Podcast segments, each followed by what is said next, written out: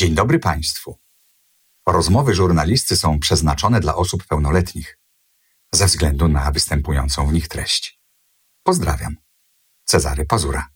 Dzień dobry, tu żurnalista. Zanim zacznie się rozmowa, chcę prosić Cię o ocenę mojego podcastu i obserwację. Jak już tego słuchasz, to jesteś naprawdę blisko.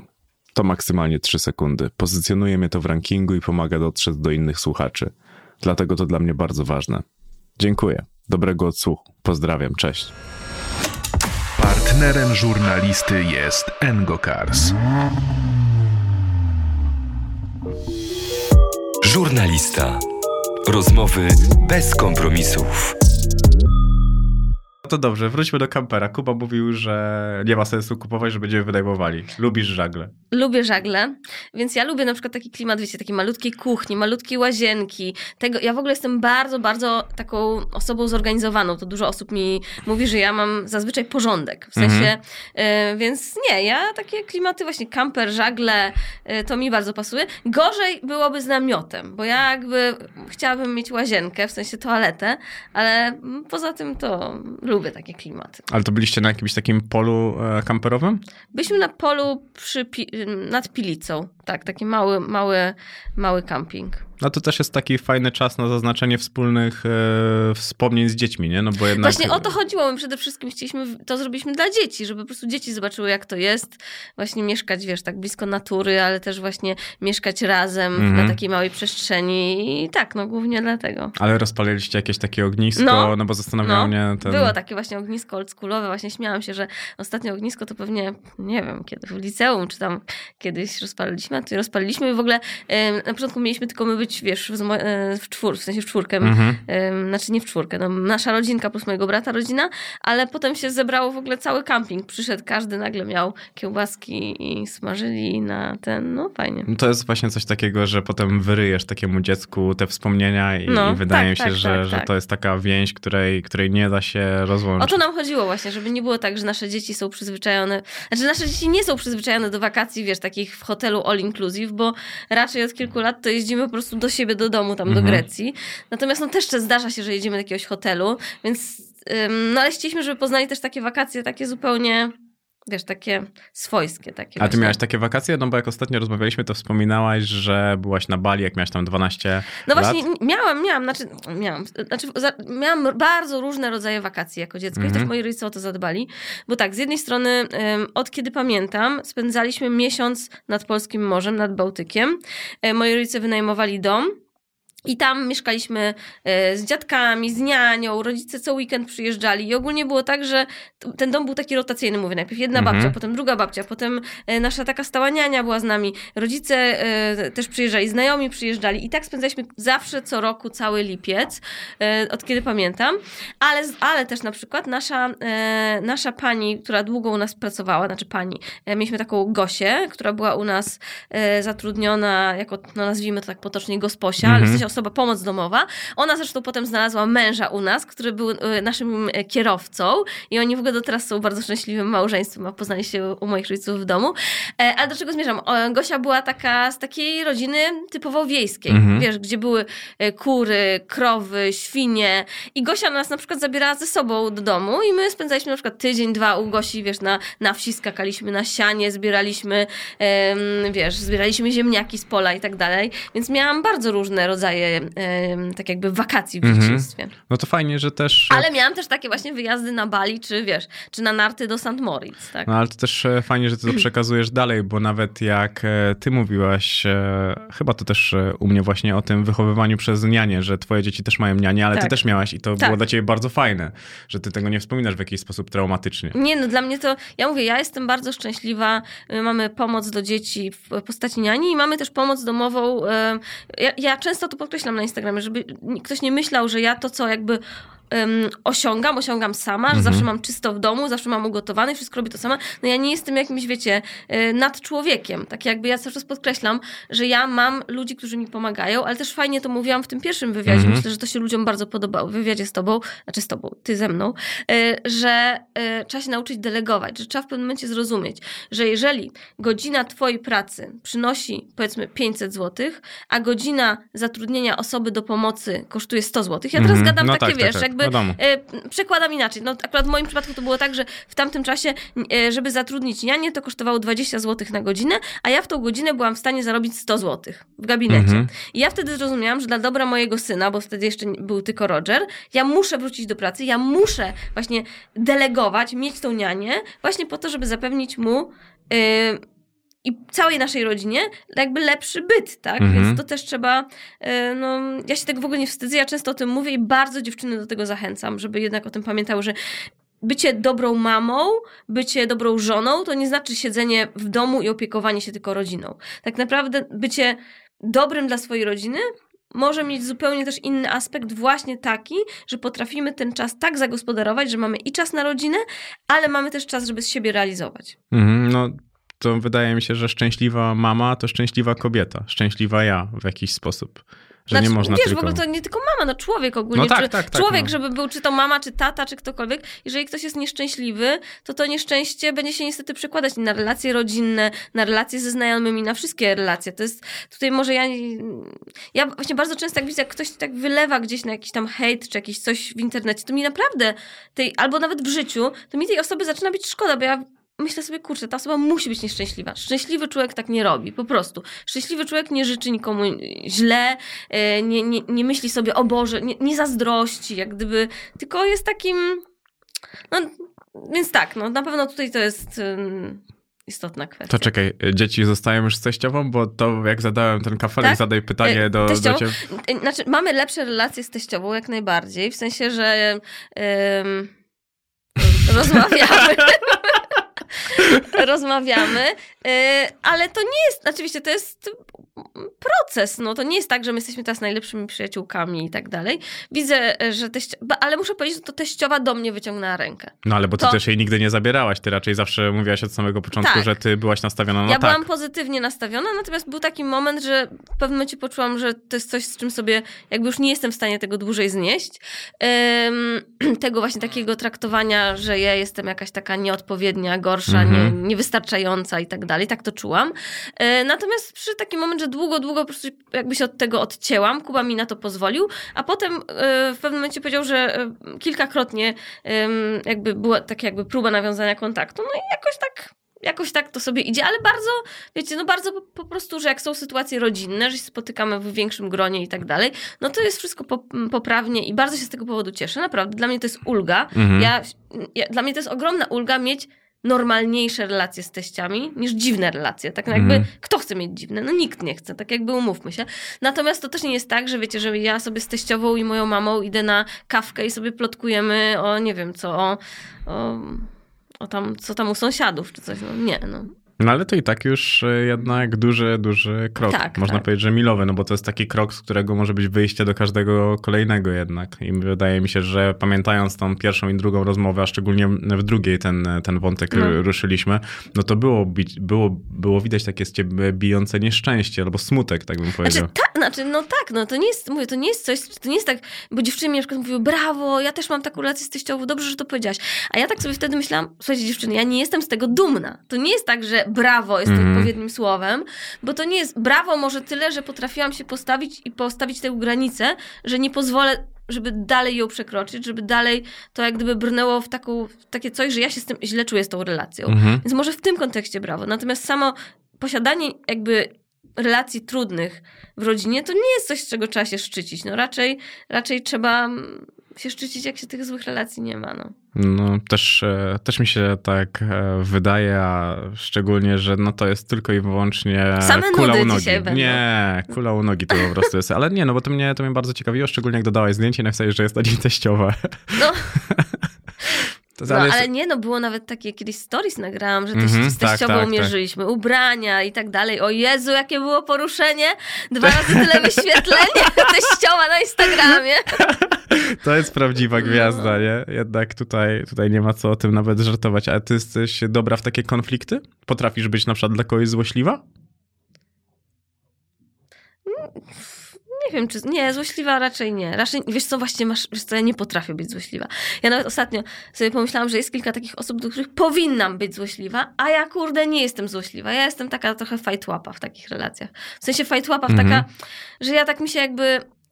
nie potrafię tak bardzo jakby mm, pokazać właśnie, że kogoś nie lubię na przykład. Rozumiesz coś? Ja tak Mhm. raczej jestem, mi się wydaje, że jestem raczej ugodowa. Ale to nie wynika na przykład czasami z tego, mm, że wtedy ktoś by mógł łatwo powiedzieć, nie odpierdoliło jej gwiazdeczka taka i tak dalej, i tak dalej? Czy ty miałaś to od zawsze, że nie byłaś konfliktowa? No bo jednak jako nastolatka byłaś A trochę nie, nie, inna. nie, dokładnie. Ja kiedyś byłam bardzo konfliktowa. Mhm. Mi się wydaje, że ja kiedyś byłam bardzo konfliktowa.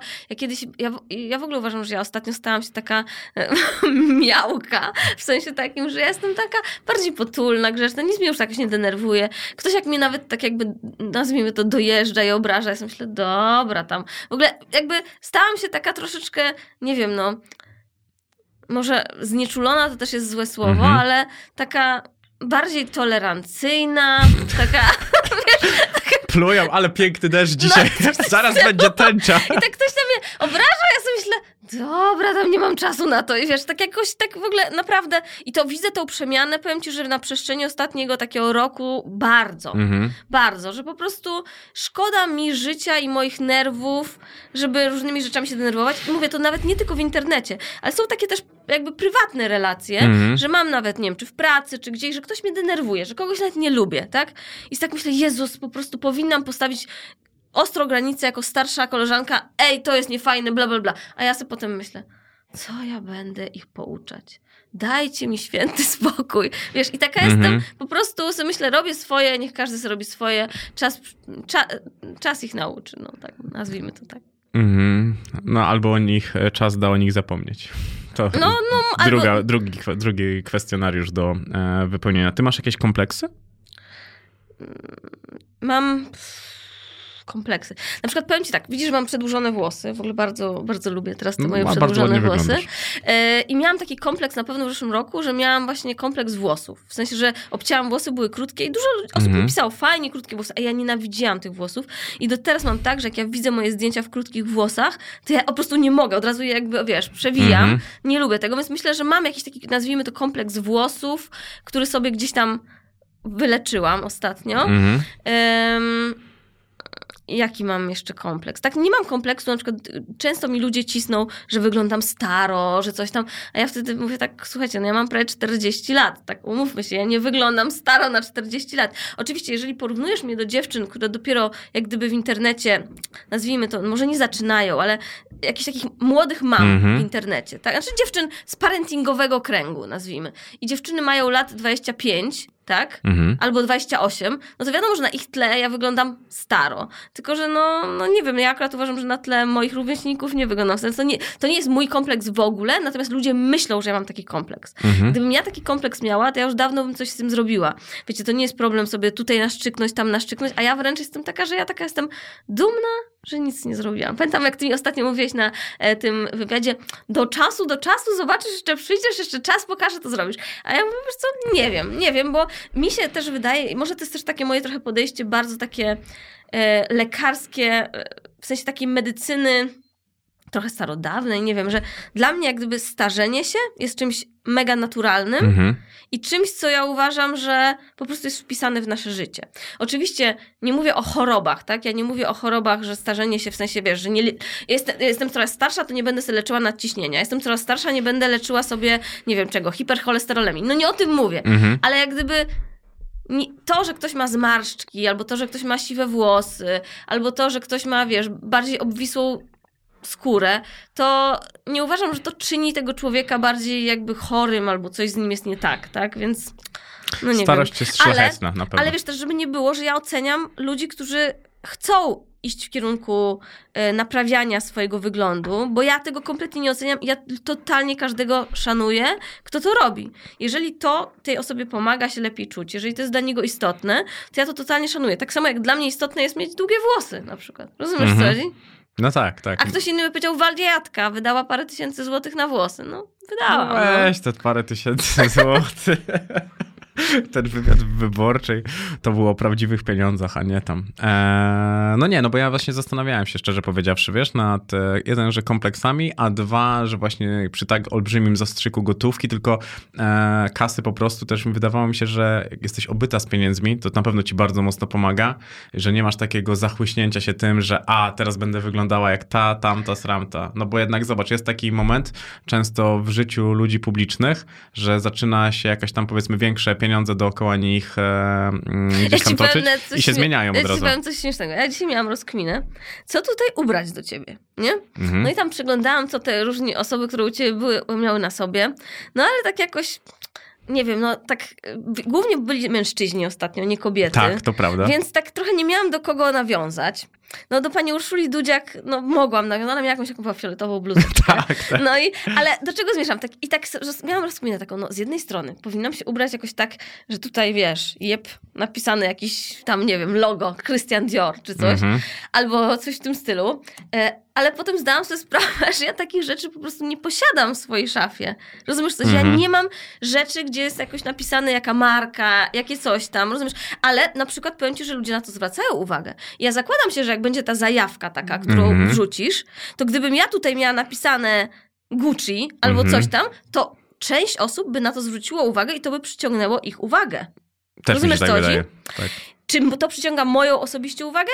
Pewnie nie, ale zakładam się, że jest jakieś tam grono osób w internecie, których uwagę to przyciąga.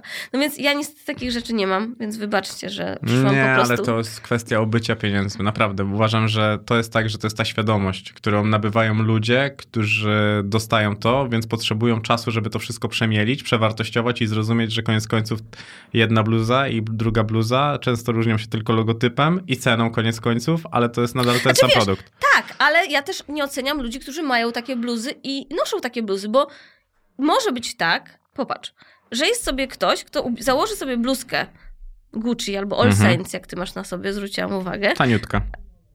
Y, I e, p- ten ktoś po prostu czuje się trochę bardziej confident, taki bardziej, wiesz, Mhm. pewny siebie. To dodaje mu czegoś. To nie oceniajmy tego, czy to jest dobre, czy to jest złe. Dla każdego coś innego może być dobre. Jeden może być, czuć się dobrze, bo ma dużo tatuaży, Mhm. inny może czuć się dobrze, bo ma doczepione włosy, a jeszcze inny może czuć się dobrze, bo ma akurat bluzkę Gucci i ta bluzka powoduje, że on się czuje świetnie w swojej skórze i bluzie. No, jak najbardziej. A są ludzie, których oceniasz? Bo tak jak rozmawiamy, to mówisz o operacjach plastycznych, że nie, że o ciuchy tego, nie. Znaczy tak, co oceniam? Oceniam ludzi, którzy innym źle życzą i bardzo nie lubię tego, jeżeli ktoś jak gdyby chce się wybić na, na kimś innym. Wiesz co Mhm. chodzi? W sensie kosztem kogoś, tak? Więc jeżeli ktoś jest po prostu, no... kt- robi coś kosztem drugiej osoby, to to jest na pewno coś, co moim zdaniem jest ak- nieakceptowalne i kompletnie jakby to potępiam. Mhm. Em, oczywiście ludzie, którzy, y, którzy no, jakby nie mają dobrych intencji, tak? No bo takie, takie osoby też są, tak? Trzeba o tym pamiętać, że nie każdy, kto coś, że nie każda rzecz, którą robimy, ma na celu coś dobrego. Czasami ludzie robią coś, co wcale nie ma być dobre. Rozumiesz? Mhm. Jeżeli, znaczy może ma być dobrze dla nich, ale nie dla innych, tak? Ale, y, ale nawet są, są nawet ludzie, którzy po prostu robią rzeczy złośliwie, tak? Są ludzie, którzy siedzą w domu i nie wiem, y, to jest bardzo takie jakby, nazwijmy to, niedojrzałe zachowanie, ale potrafią no nie wiem, no może to jest takie głupie, jak ja byłam nastolatką, albo nawet jeszcze młodsza, no to na przykład była taka zabawa, że się dzwoniło do ludzi, wybierało jakiś randomowy Tak, numer. tak. I się, I się mówiło, no dzień dobry, coś tam, i że jakieś głupoty się tym ludziom gadało, takie, żeby albo ich czasami nastraszyć, albo coś tam i tak dalej. Okej, to było mega głupie zachowanie, tak się robiło. No teraz tego już nikt nie robi, raczej chyba nikt nie wybiera randomowego numeru i dzwoni i Mhm. mówi, o wygrała pani tam, nie wiem, gumę do rzucia, czy coś tam, wiesz, jakąś, no wymyślam głupotę Mhm. e, przeróżne rzeczy. E, natomiast teraz są ludzie, którzy na przykład, wiesz, straszą innych w internecie, piszą jakieś takie, ja już nie mówię jako taki typowy hejt do celebrytów Mhm. czy coś, tylko po prostu jakby wyżywają się na innych ludziach w internecie, tak? Takie jakieś swoje emocje negatywne wylewają na innych i to nie ma żadnego pozytywnego celu, tak? No tak bym, więc coś takiego bym, uważam, że bardzo niefajne. Myślisz, że będzie kiedyś prawo internetowe? Myślę, że tak.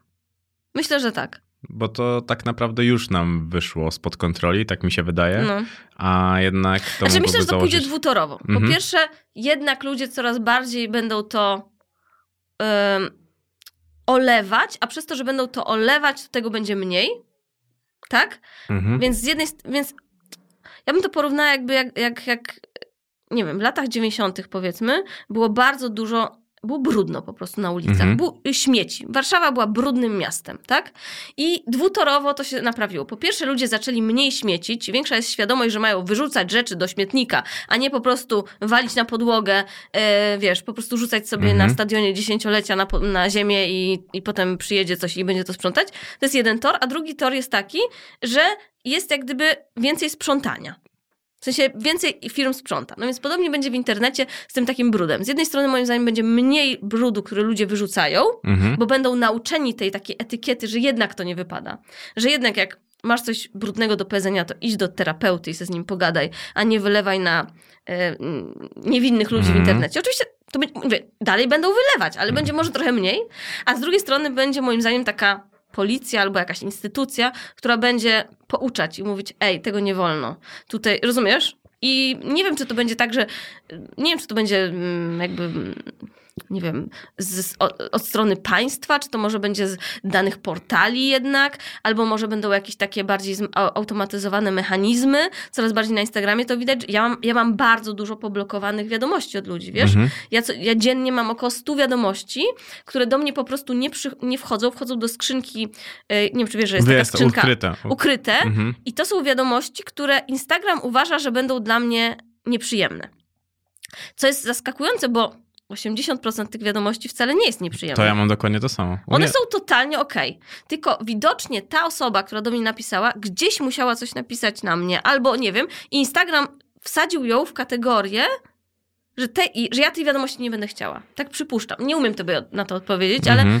jest to zaskakujące, że ja mam naprawdę bardzo, bardzo dużo takich ukrytych wiadomości.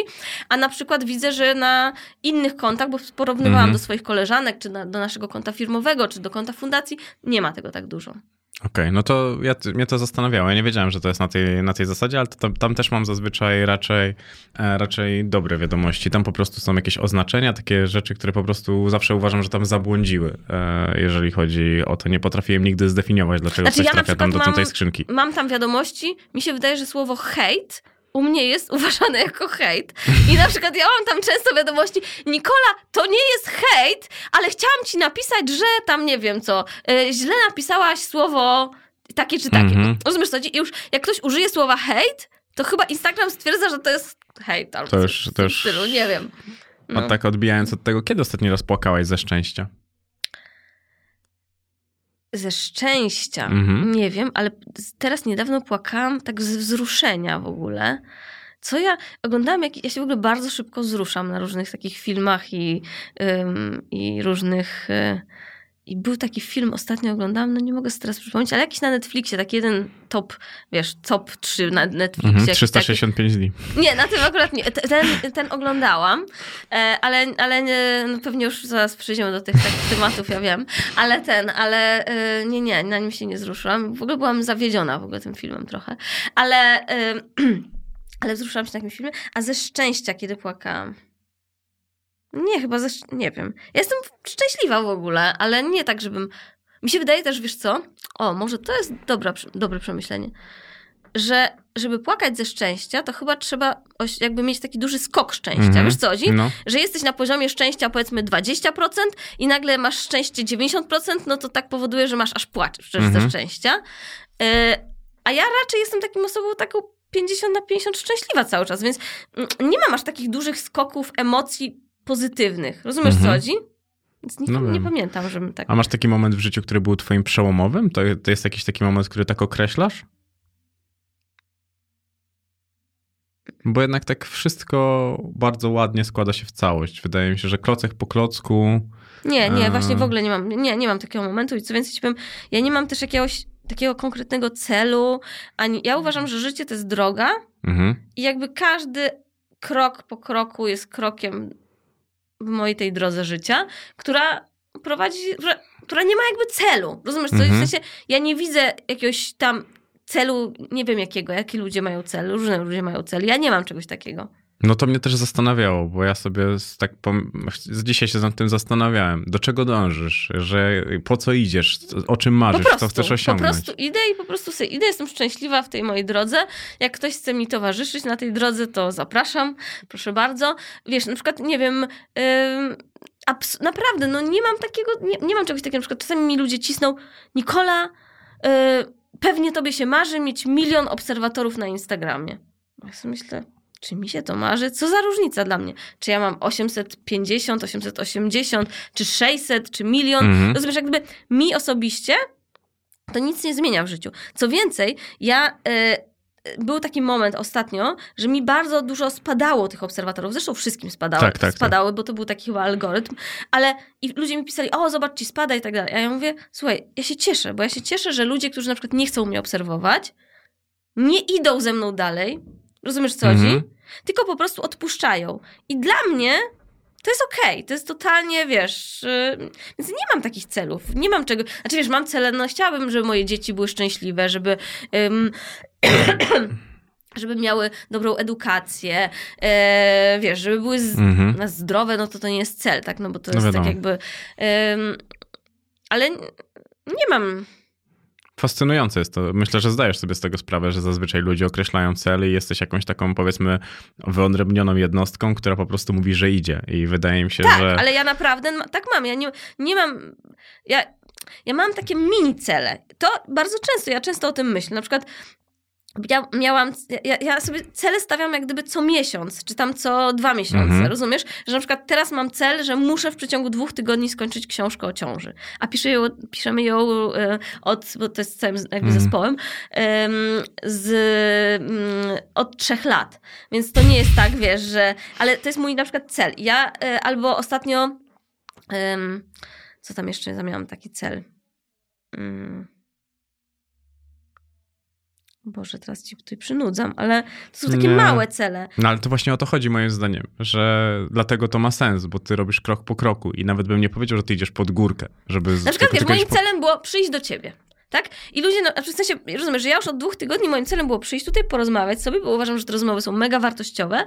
Yy, I zarówno dla mnie, jak i mi się wydaje dla obserwatorów. To też jest Mhm. pytanie, czemu ja przyszłam? Ja uważam, że z tych roz- rozmów moi obserwatorzy, ale też potencjalnie osoby, które mnie wcześniej nie znały, mogą coś ciekawego wywnioskować. Więc moim celem było tutaj przyjść.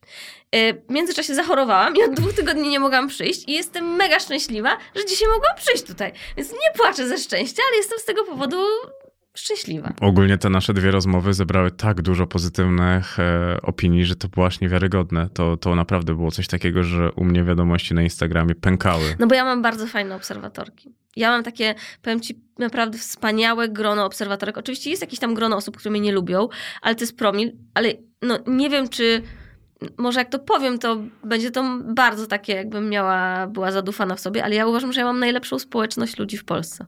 Też mi się tak e, wydaje, że masz naprawdę bardzo mocną. Ja też widzę na przykład e, po tym, jak e, ludzie słuchają tych podcastów, no i mam porównanie do innych osób, które są u mnie, no to jednak u ciebie to był boom, ale też mogę ci powiedzieć, że naprawdę Daniel Majewski, jak był u mnie teraz e, od Dane, to też tam było bardzo, bardzo, bardzo mocno. Zresztą ogólnie bardzo Mhm. dobrze wypadł w tej rozmowie i tam też było tak, że bardzo szybko wskoczył w ogóle do top 3 chyba, Mhm. do, top 3 albo top 4, nie pamiętam e, odcinków najpopularniejszych i też było widać, że to jego community jest e, bardzo, e, bardzo mocne. A jest coś takiego, czego ty się boisz? Czego ja się... No może, może no, jest. Węży. Naprawdę? No. E, o Jezu, czego jeszcze? Ale pająków się nie boję. Mm. Myszy się nie boję. Mnie zawsze zaskakuje, jak można się bać myszy. A ludzie się boją myszy. Skakują Mhm. na stół. Ja byłem dzieckiem, to się bałem. Tak? No. A nie, ja nie. Ja się nie boję myszy. Ja bałem się. Znaczy, Ja się boję pobierania krwi, więc... a nie, no to nie, nie pobierania krwi się nie boję. Yy, no wiadomo, że nie. Ale ym, nie no, są rzeczy, których się boję. Mam Ale w ogóle takie nieegzystencjonalne z tego, co mówisz. Nie ma takich rzeczy, nie wiem, że boisz się, że nie wiem, firma usiądzie. A nie, w ogóle, w ogóle. Powiem ci, że mój mąż ma czasami takie myślenie. Takie, takie trochę, ja to nazywam, przestań to swoje katastroficzne myślenie, tak? Że on tak właśnie, dokąd to zmierza, co to te... A, a ja w ogóle nie, ja mówię, słuchaj, idzie super, idzie do przodu, wszystko jest dobrze. Yy, I jak gdyby, ja wiem o tym, że jak się coś robi dobrze i się to robi po prostu konsekwentnie, to będzie dobrze. I w ogóle nie mam obaw takich, naprawdę, w ogóle. Tak samo jak... Mm, mm, ja to nie chyba mówiłam tobie w tym jednym pierwszym czy drugim podcaście, jak my z Kubą mieszkaliśmy w Londynie i naprawdę nie mieliśmy no, grosza, tak naprawdę, no, Mhm. mieliśmy parę funtów w ogóle tygodniowo, że tak powiem, na dodatkowo poza takimi wydatkami w stylu, y, wiesz, y, metro, czynsz, prąd, nawet na prądzie oszczędzaliśmy, ostatnio o tym rozmawialiśmy, bo my, słuchaj, no bo teraz się dużo mówi o tym, że będzie ten kryzys energetyczny Mhm. i, a to my z Kubą że już my mamy to za sobą, znaczy tak, wiadomo, że nie za sobą, Mhm. wiadomo, że trochę przesadzamy, ale my jak mieszkaliśmy na Brixton, to my mieliśmy prąd na top-up. E, W sensie to było coś takiego, że była taka karta, i ją trzeba było załadować, tak? I ją się wsadzało do licznika. I ona wtedy ściągała pieniądze już zapłacone wcześniej. Rozumiesz, Mhm. chodziło o to, że to była taka dzielnica, gdzie dużo osób przyjeżdżało na krótko, na przykład nie miało umów, albo rozumiesz, albo nie miało dokumentów i tak dalej.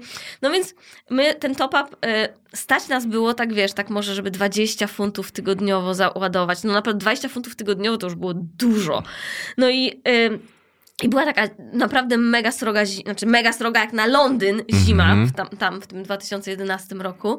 I ja pamiętam, że siedziałam w takich trzech kocach i tak dalej i ten prąd wyłącz, w sensie to grzanie wyłączone, no bo już nam cały, wiesz, ten, te, cała kasa zeszła. Rozumiesz? I naprawdę było tak, że po prostu siedzieliśmy, po, było zimno, siedzieliśmy pod kocami i mówiliśmy, dobra, no musimy to przetrzymać, bo wypłata jest dopiero, e, wiesz, tam w następnym tygodniu czy coś. Więc y, i nawet wtedy, w tamtych momentach, ja zawsze wiedziałam, że wszystko będzie dobrze. Ja to Kubie, to my takie rozmowy mieliśmy bardzo często, że wiesz, siedzieliśmy nad kolacją za trzy funty, załóżmy, i ja mu mówiłam, zobaczysz, my będziemy mieć pieniądze. A on mówił, a skąd ty to wiesz? Ja mówię, ja po prostu wiem. Jak babcia i mama, tam, bo ty wiesz, że babcia trochę Mm. czarownica, że włożyła Znaczy sposób. wiesz, no też z drugiej strony ja wiedziałam, że ja jakby uczę się zawodu, który do, przynosi dobre pieniądze. No bo jakby pomijając to, że teraz mamy firmę, że wiesz, że jakby mamy zupełnie inne źródła dochodu, to nawet gdybym ja robiła to, co się nauczyłam robić jako lekarz, czyli Mhm. diagnostykę prenatalną i zajmowanie się ciążami, to to jest dochodowa działka medycyny. Rozumiesz? Mhm. Więc ja, ja jakby w tamtym momencie nie myślałam o tym, że będę przedsiębiorcą, który ma takie, a nie inne obroty, tylko myślałam bardziej o tym, że będę po prostu ciężko pracującą codziennie do wieczora panią doktor, która zarabia na godne życie, nawet bym powiedziała dobre życie, Mhm. dlatego że ma taki fach w ręku. No to tak, to, to wydaje się całkiem logiczne. No, biedny lekarz raczej No. nie, nie, nie jest czymś takim bardzo oczywistym, więc wydaje mi się, że koniec końców i tak by się to tak skończyło, e, jak mówisz, ale zobacz, 11 lat e, i jak ten moment e, obrotowy życia się bardzo mocno zmienił, No. nie? Że mogłaś mieć nawet marzenia, mogłaś marzyć o wszystkim, ale myślę, że o tym, co masz, to nawet chyba by ciężko było sobie jakoś wyobraźnią to objąć. Znaczy ja, tak, znaczy nie, ja jestem w ogóle bardzo szczęśliwa, że my mamy super rodzinę.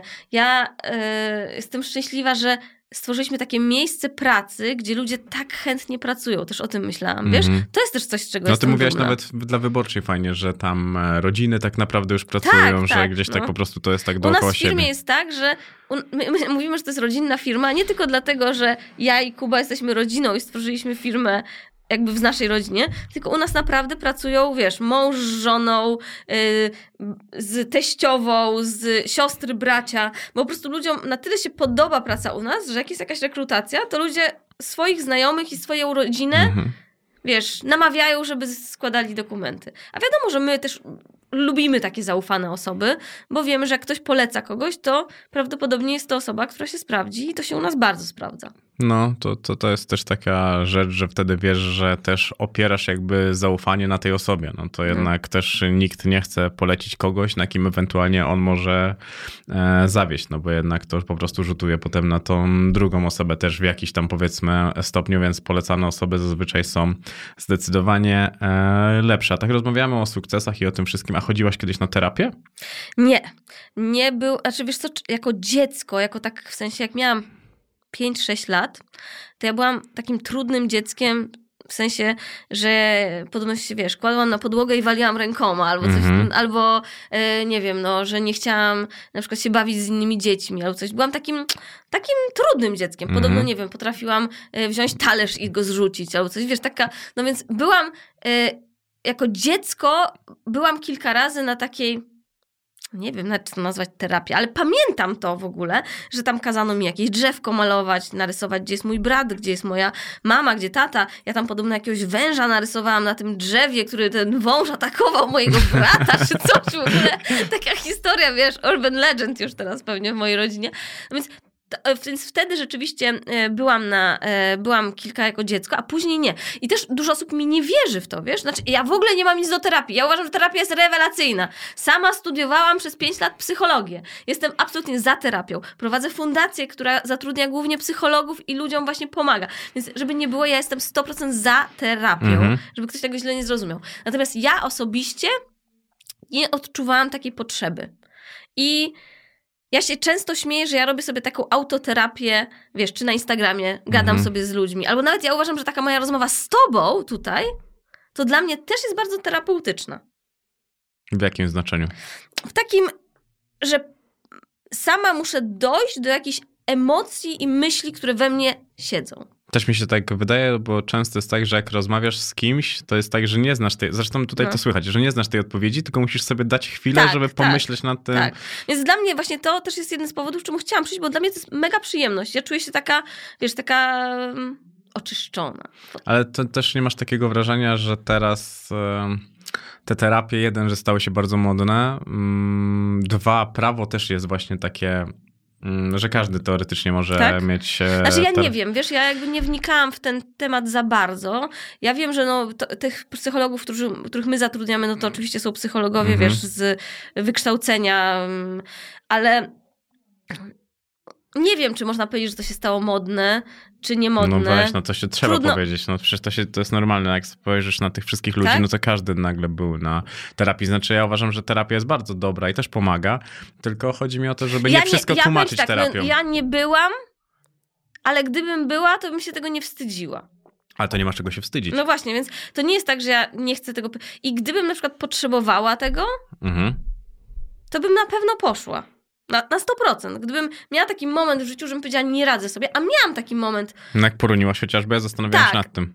No, nie, no, tak, wtedy miałam taki moment, e, ale powiem ci, że dla mnie naj, wtedy największą terapią było, że ja po prostu chciałam wyjechać. Okej. Ja powiedziałam wtedy Kubie, ja mówię, Kuba, po prostu wyjedźmy z Warszawy, zmieńmy środowisko na dwa miesiące i ja sobie, dla mnie to będzie moja terapia. Mhm. I wyjechaliśmy, odcięliśmy się od wszystkiego, pojechaliśmy na Florydę i może to było takie w pewnym sensie ucieczka i nie wiem, czy to było dobre, więc nie wiem, czy to komukolwiek polecam, natomiast na tamten moment mi to pomogło, tak? Mhm. Więc, no ale gdybym miała taki moment, myślę, że bardziej po egzaminie miałam taki moment, że byłam tak dojechana przez ten internet i to wszystko, że myślałam nad tym, czy ja nie powinnam z kimś o tym porozmawiać, że ja sobie z tym nie daję rady. Tak? Miałam też taki moment, taki jakby dosłownie jeden dzień kryzysowy, teraz w wakacje, że czułam tak ogromną presję z firmy na mnie, że wiesz, że ja muszę powiedzieć o sprzedaży, w sensie, że sprzedaż jakby na mnie Mhm. polega, że, no bo wiesz, no nasza firma zarabia na sprzedaży, co tutaj dużo mówić, tak? Czym więcej ja mówię o firmie, tym jest większa sprzedaż. Prosta sprawa, Mhm. tak?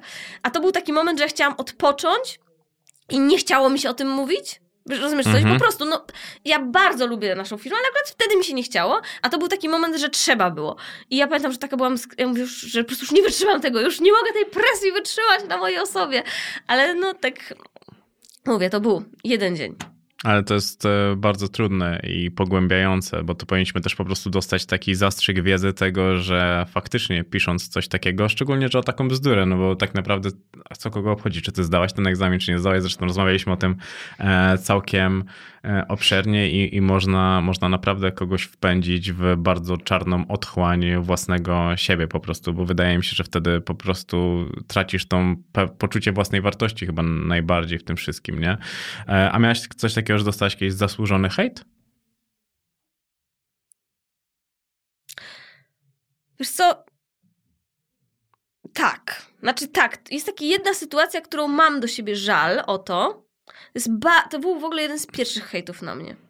Bardzo to było dla mnie ciężkie. To była głupota. To była, w sensie jak ja o tym teraz pomyślę, Ech, nie spodziewacie się, bo to nie będzie aż tak hardkorowe, jak zaraz tutaj zrobiłam otoczkę. Ogólnie była zbiórka na się pomaga, gdzie kobieta chorowała terminalnie na raka bodajże trzustki albo raka jakiegoś. Mhm. I ona miała, była w moim wieku, miała dwójkę dzieci. Ta historia mnie tak mega dotknęła. Tak jakby dotknęła mnie osobiście, że ja sobie tak wyobraziłam, że to ja mogłabym być tą kobietą. Nie? Mhm. I y, ona napisała, że ma, znalazła alternatywną terapię, bo w Polsce już jej nie chcą leczyć, bodajże w Meksyku. I ja się przyznaję, że jako lekarz zupełnie nie wgłębiłam w to, jaka to jest ta alternatywna terapia. Ja po prostu emocjonalnie spojrzałam na to, Mhm. że ja tej kobiecie chcę pomóc. Że nawet jeżeli ta terapia jej nie pomoże, to może daje jej jakąś nadzieję. A wiesz, no nie wiem. I ja wtedy na Facebooku wrzuciłam link, że e, jeżeli możecie, to pomóżcie tamtej kobiecie.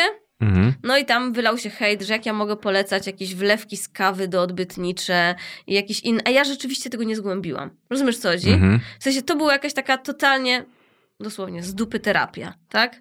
Taka, która nie miała żadnej zasady evidence-based medicine. I ja nie powinnam była jako lekarz tego w żaden sposób polecić. Rozumiesz co chodzi? Mhm. A ja do tego podeszłam tak zupełnie, tylko stricte jako kobieta chcę pomóc kobiecie, a nie jak lekarz. Mhm. No i wtedy był ten ogromny hejt na mnie, że co za mnie za lekarz, co coś takiego poleca. I z perspektywy czasu, no to był zasadny hejt, no bo jaki lekarz może coś takiego polecać? Rozumiesz co chodzi? Tak, tak, tak, jak najbardziej. Ale ja się jeszcze wtedy zapętliłam w to wszystko i zaczęłam się tłumaczyć. Zamiast powiedzieć wprost, po prostu słuchajcie, przepraszam, nie doczytałam yy, i ta terapia rzeczywiście jest bez sensu, to ja zaczęłam się właśnie tłumaczyć na zasadzie, słuchajcie, ale dajmy tej kobiecie nadzieję. Skąd wiemy, że yy, sam fakt, że no, jakby wiesz, w sensie, że danie kobiecie czasu i że pozytyw, że możemy dać jej jakieś takie pozytywne emocje, że to, że jest bardzo dużo rzeczy placebo w medycynie, wiesz, zaczęłam tak jakby się pętlić w tym Mhm. wszystkim i był coraz większy hejt, że ja, wiesz, zamiast mm, kobiecie powiedzieć, że ma tutaj siedzieć na tyłku i robić standardową chemioterapię i tak dalej, gdzie chyba już dla niej nie było nawet chemioterapii, już chyba była na końcu, Mhm. wiesz, jakby możliwości terapeutycznych, to ja tak jakby cały czas chciałam, że dajmy tej kobiecie nadzieję. No i to trwało, wiesz, półtora dnia, może dwa dni Mhm. ten hejt. E, natomiast no pamiętam, że tak jak teraz o tym myślę, to ten hejt był zasadny, no bo nie powinnam była tego polecić. Tylko w takiej presji czasu nie podejmujesz nigdy dobrej decyzji. No nie ma takiej możliwości, jest dookoła dużo emocji. Jeżeli jeszcze mówisz, że to był taki pierwszy, no to... To był taki jeden z pi- pierwszy albo jeden z pierwszych i pamiętam, że mnie to bardzo, bardzo dojechało wtedy. Tak naprawdę bardzo czułam się źle z tym, że to poleciłam, nie potrafiłam z tego wybrnąć, pętliłam się w tym wszystkim. I ba- ale też myślę, że dużo mnie to nauczyło tego, że w tym momencie ja już no, bardzo pilnuję to, co polecam, co Mhm. y, wiesz, nie ma u mnie czegoś takiego, że na przykład, nie wiem, spodoba mi się jakiś profil i powiem, słuchaj, cię polecam wam ten profil, oglądajcie. Ja najpierw ten profil będę sama obserwować parę tygodni, Mhm. parę miesięcy i dopiero jak stwierdzę, że tam mucha nie siada i nie jest mi wstyd powiedzieć, że ja ten profil polecam, to dopiero wtedy ludziom powiem. To już jest takie, wiesz, odchylenie w drugą Mhm. stronę, no, nie? Bo ty masz chyba tak od ściany do ściany. No, więc na przykład ja nie, bo wiesz, na przykład czasami, bo ja się na przykład boję, że na przykład, nie wiem, załóżmy, że gdzieś przeczytam jakiś super tekst o infekcjach pochwy. Mhm. Załóżmy, nie? Że ktoś napisze jakiś fajny ten, a potem się okaże, że za dwa dni ta osoba poleci. A tak w ogóle na infekcję pochwy możecie stosować, nie wiem co, kurczę, wodę mineralną do pochwową. Nie wiem, wymyślam Mhm. teraz, rozumiesz co chodzi? A ktoś wtedy powie, ty, ale to jest profil, który mama ginekolog poleciła. No jesteś takim pieczątką. Rozumiesz? Więc ja naprawdę, zanim cokolwiek polecę, to naprawdę muszę to. Oczywiście nie daje mi to 100% gwarancji, bo nawet jak kogoś obserwujesz Mhm. dwa tygodnie, dwa miesiące, to ten ktoś może zrobić jakąś totalną głupotę za. No, możesz, obs- możesz obserwować, no, wiesz, dziesięć- obserwowanie kogoś no. na Instagramie po 10 latach tak, nawet nie, tak. nie no ale to, no, daje mi to pe- jakieś tam trochę zabezpieczenie, nie? A Kuba dobrze odnajduje się w takich momentach e, twojego kryzysu? Tak, ale on też tak po prostu moim zdaniem da. On już tyle mieliśmy tych hejtów i tych. Na, że jak gdyby to już jest tak trochę, wiesz, tak na zasadzie, okej, another one, another one. wiesz? Ale, e, ale że on po prostu mi daje sobie, on mówi, dobra, jeden, dwa dni, da sobie ona radę ułożyć. On się już przyzwyczaił, że ja sobie to po prostu potrafię jakby, że ja się zamknę tam w sobie przez jeden, Mhm. dwa dni, nie będę nagrywać, a potem wrócę i będę, wiesz. I będziesz Normalnie, święcić tak. e, sukcesy. A skąd wzięło się twoje zainteresowanie seksuologią? Wiesz co, dlatego, że e, uważam, że to jest temat, który jest w Polsce, znaczy zainteresowanie seksuologią. Po prostu to, że staram się raz na jakiś czas edukować na ten temat, ale wiesz, jest sporo profili takich stricte seksuologicznych Mhm. na Instagramie, które są super. I absolutnie uważam, że tego powinno być jak najwięcej. Natomiast uważam, że te profile nie do końca trafiają do tej grupy docelowej, do której ja trafiam. Rozumiesz, co chodzi? Mhm. że ym, mało, znaczy mało kto, coraz więcej osób na szczęście, ale są takie osoby, które nie zaczną obserwować profilu seksuologa. Rozumiesz, co chodzi? Bo gdzieś tam jeszcze nie są na to gotowi. Natomiast jeżeli ja, jako mama, gotująca rosół, lepiąca kotlety, raz na jakiś czas im powiem, że orgazm w życiu kobiety jest istotny i nie jest sprawą oczywistą i trzeba Mhm. się go nauczyć, to to może do nich trafić. Rozumiesz, co chodzi? Więc ponownie ta seksuologia jest dla mnie takim fajnym czymś, co mogę przemycić do tych osób, które niekoniecznie by trafiły na te treści gdziekolwiek indziej. To prawda, też mi się tak wydaje, ale akurat jeżeli chodzi o te mm, treści związane z seksuologią, to uważam, że są naprawdę bardzo fajne profile, bo ja przygotowując się do tej rozmowy i wiedząc, że będę zahaczał o ten wątek, no to naprawdę tam rozmowy są świetne.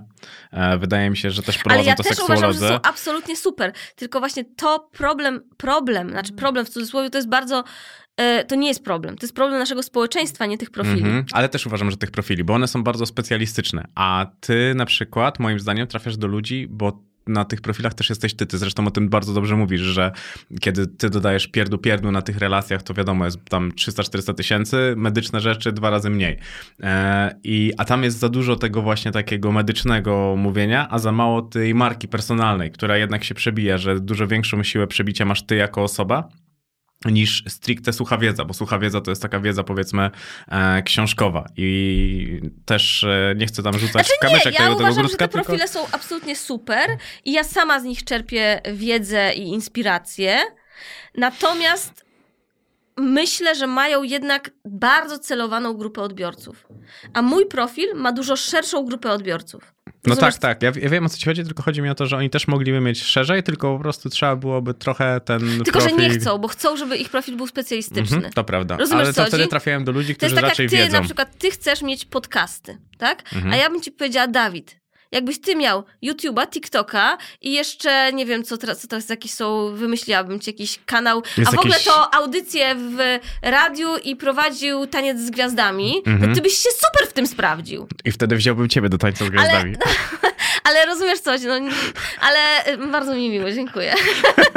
e, to, e, to, no okej, no ale byś, rozumiesz co, by to się wszystko, jakby ty masz profil, że Mhm. chcesz mieć podcasty, tak? Tak, no ja to wszystko jak najbardziej e, rozumiem, tylko po prostu e, chodzi mi o to, że te, wa- te wartości są po prostu stricte merytoryczne i, i fajnie objaś, objaśnione. To też mi się bardzo podobało, tylko chodzi o to, że one nie są tak szerokie. Znaczy, tu też jest bo... kwestia, i tutaj poruszę temat kontrowersyjny, za który mi się być może oberwie. Jest to kwestia tak zwanej mowy inkluzywnej. Nie wiem, czy Mhm, wiesz o co chodzi. Jasne, że wiem. Tak? Która jest teraz bardzo. no, jakie to słowo użyć, żeby źle nie powiedzieć? Bardzo istotna dla dużej części osób, a dla części osób jest niezrozumiała. Mhm. Rozumiesz, co chodzi? Mhm. Czy ja uważam, że inkluzywna mowa jest ważna i trzeba szanować każdego człowieka, niezależnie od jego płci, jego preferencji i tego, jak się identyfikuje? Tak. Ale czy ja rozumiem, że są osoby, które tego nie rozumieją? Też. Rozumiesz, co chodzi? Nie wiem, jak to powiedzieć, żeby nie narazić się tym, którzy są fanami tej mowy, fanami, są zwolennikami tej mowy inkluzywnej. Natomiast ja wiem, że jest bardzo duże społeczeństwo w Polsce i to właśnie to społeczeństwo przede wszystkim wymaga edukacji. Rozumiesz? Mhm. które niekoniecznie, do, do których niekoniecznie będzie trafiały, będą trafiały treści w mowie inkluzywnej. Pięknie zrobiłaś ten slalom. W- pierwszej rozmowie też robiłaś pięknie. Chodźmy z tej mowy inkluzywnej. No. Masturbacja jest ok, czy nie? jest tak i w ogóle to trzeba się nauczyć. To jest w ogóle bardzo ważne. Jeżeli mam coś powiedzieć w tym em, podcaście takiego, co myślę, że będzie się klikało, ale zarazem jest mega ważne. Będziemy tutaj myszki klikały, klikały Tak. tak. często. No. E, że em, masturbacja zarówno u mężczyzn, jak i u kobiet jest normalna, jest fizjologiczna i niepotrzebnie jest nam, jesteśmy edukowani, tak, że nie. Oczywiście może być sytuacja, że w związku partnerskim partnerowi to przeszkadza, tak? Mhm. Że na przykład, nie wiem, ym, no kobieta, przez to, że mężczyzna się masturbuje, to on nie ma potrzeby z nią współżyć i to ma wpływ na ich związek. Rozumiesz coś? No to wtedy to nie jest dobre. Natomiast jeżeli jest masturbacja, która nie ma wpływu na jakość lub częstotliwość lub yy, satysfakcję z współżycia w parze, to jest to jak najbardziej normalne. Co więcej, większość mężczyzn Dziewczyny, naprawdę większość mężczyzn się masturbuje, wam o tym nie mówi. I to jest tak jakby do tego stopnia e, normalne i fizjologiczne, że to jest dla wielu mężczyzn to jest jak pójście zrobienie siku, albo tak jakby zupełnie, zupełnie Mhm. normalne. I tutaj chcę jedną rzecz przemycić taką a propos starań o dziecko, słuchajcie, bo to wyszło ostatnio w gabinecie i to kilkakrotnie, bo zaczęłam to pytanie zadawać, albo nawet rzucać takie hasło, no bo musicie wiedzieć, że jak staramy się o dziecko, to najlepiej jest współżyć trzy razy w tygodniu, Mhm. tak? Dwa, trzy razy w tygodniu, mniej więcej minimum dwa razy w tygodniu, najlepiej trzy razy w tygodniu e, mieć stosunek pochwowy, tak? Mhm. Czyli z wytryskiem w pochwie. Natomiast e, jeżeli mamy stosunki kilka razy dziennie, to nie jest to do końca dobre, dlatego że jakość nasienia spada. Najlepsza jakość nasienia jest mniej więcej po dwóch, trzech dniach.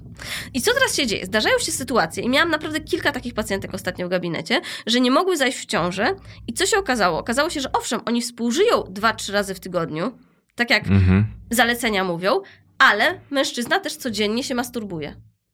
Rozumiesz coś? I tu znowu mówię, to jest normalne, w tym nie ma nic złego. I on dopiero, jak ja, jak ja powiedziałam, dobrze, ale czy to są jedyne pana wytryski w tygodniu? A on mówi, nie pani doktor, oczywiście, że nie, to są moje trzy stosunki, ale wytrysków to ja mam więcej. Ja mówię, no widzi pan, no i przynajmniej tak długo jak się staracie o dziecko, to musi pan tak zrobić, żeby to były jedyne trzy Mhm. wytryski w tygodniu. A to jest ciekawa rzecz. To jest mega ciekawe, bo ja myślę, że ludzie o tym nie mówią. Że nie myślą o tym, że jeżeli na przykład, albo co więcej, słuchaj, wiele mężczyzn ma taki problem. Się dzieje. Tak, bo pan, Myślę, że, pan e, mnie wytryska. Nie, że e, wiele chłopaków się martwi, chłopaków, mężczyzn, że chce zaspokoić kobietę i uważa, że czym dłuższy jest stosunek, tym lepiej. Tak? Rozumiesz, że Mhm. czym będzie e, dłużej trwał. Natomiast, i co wtedy mężczyzna robi? Zdarzają się mężczyźni, którzy się właśnie masturbują przed randką, przed stosunkiem, po to, żeby ten stosunek był dłuższy. Mhm. I teraz tak, po pierwsze, długość stosunku dla kobiety nie ma aż tak dużego znaczenia, jakby się wydawało. Dużo ważniejsze jest długość tej tak zwanej gry wstępnej lub tego, jaka jest em, stymulacja łechtaczki, a nie Mhm. sam stosunek pochwowy. Czy on trwa 2 minuty, czy trwa 17 minut. Rozumiesz, co Mhm. chodzi? Ale niestety taka miskoncepcja wśród mężczyzn jest, że czym dłuższy stosunek, tym lepiej. Tym się jej będzie bardziej Mhm. podobało.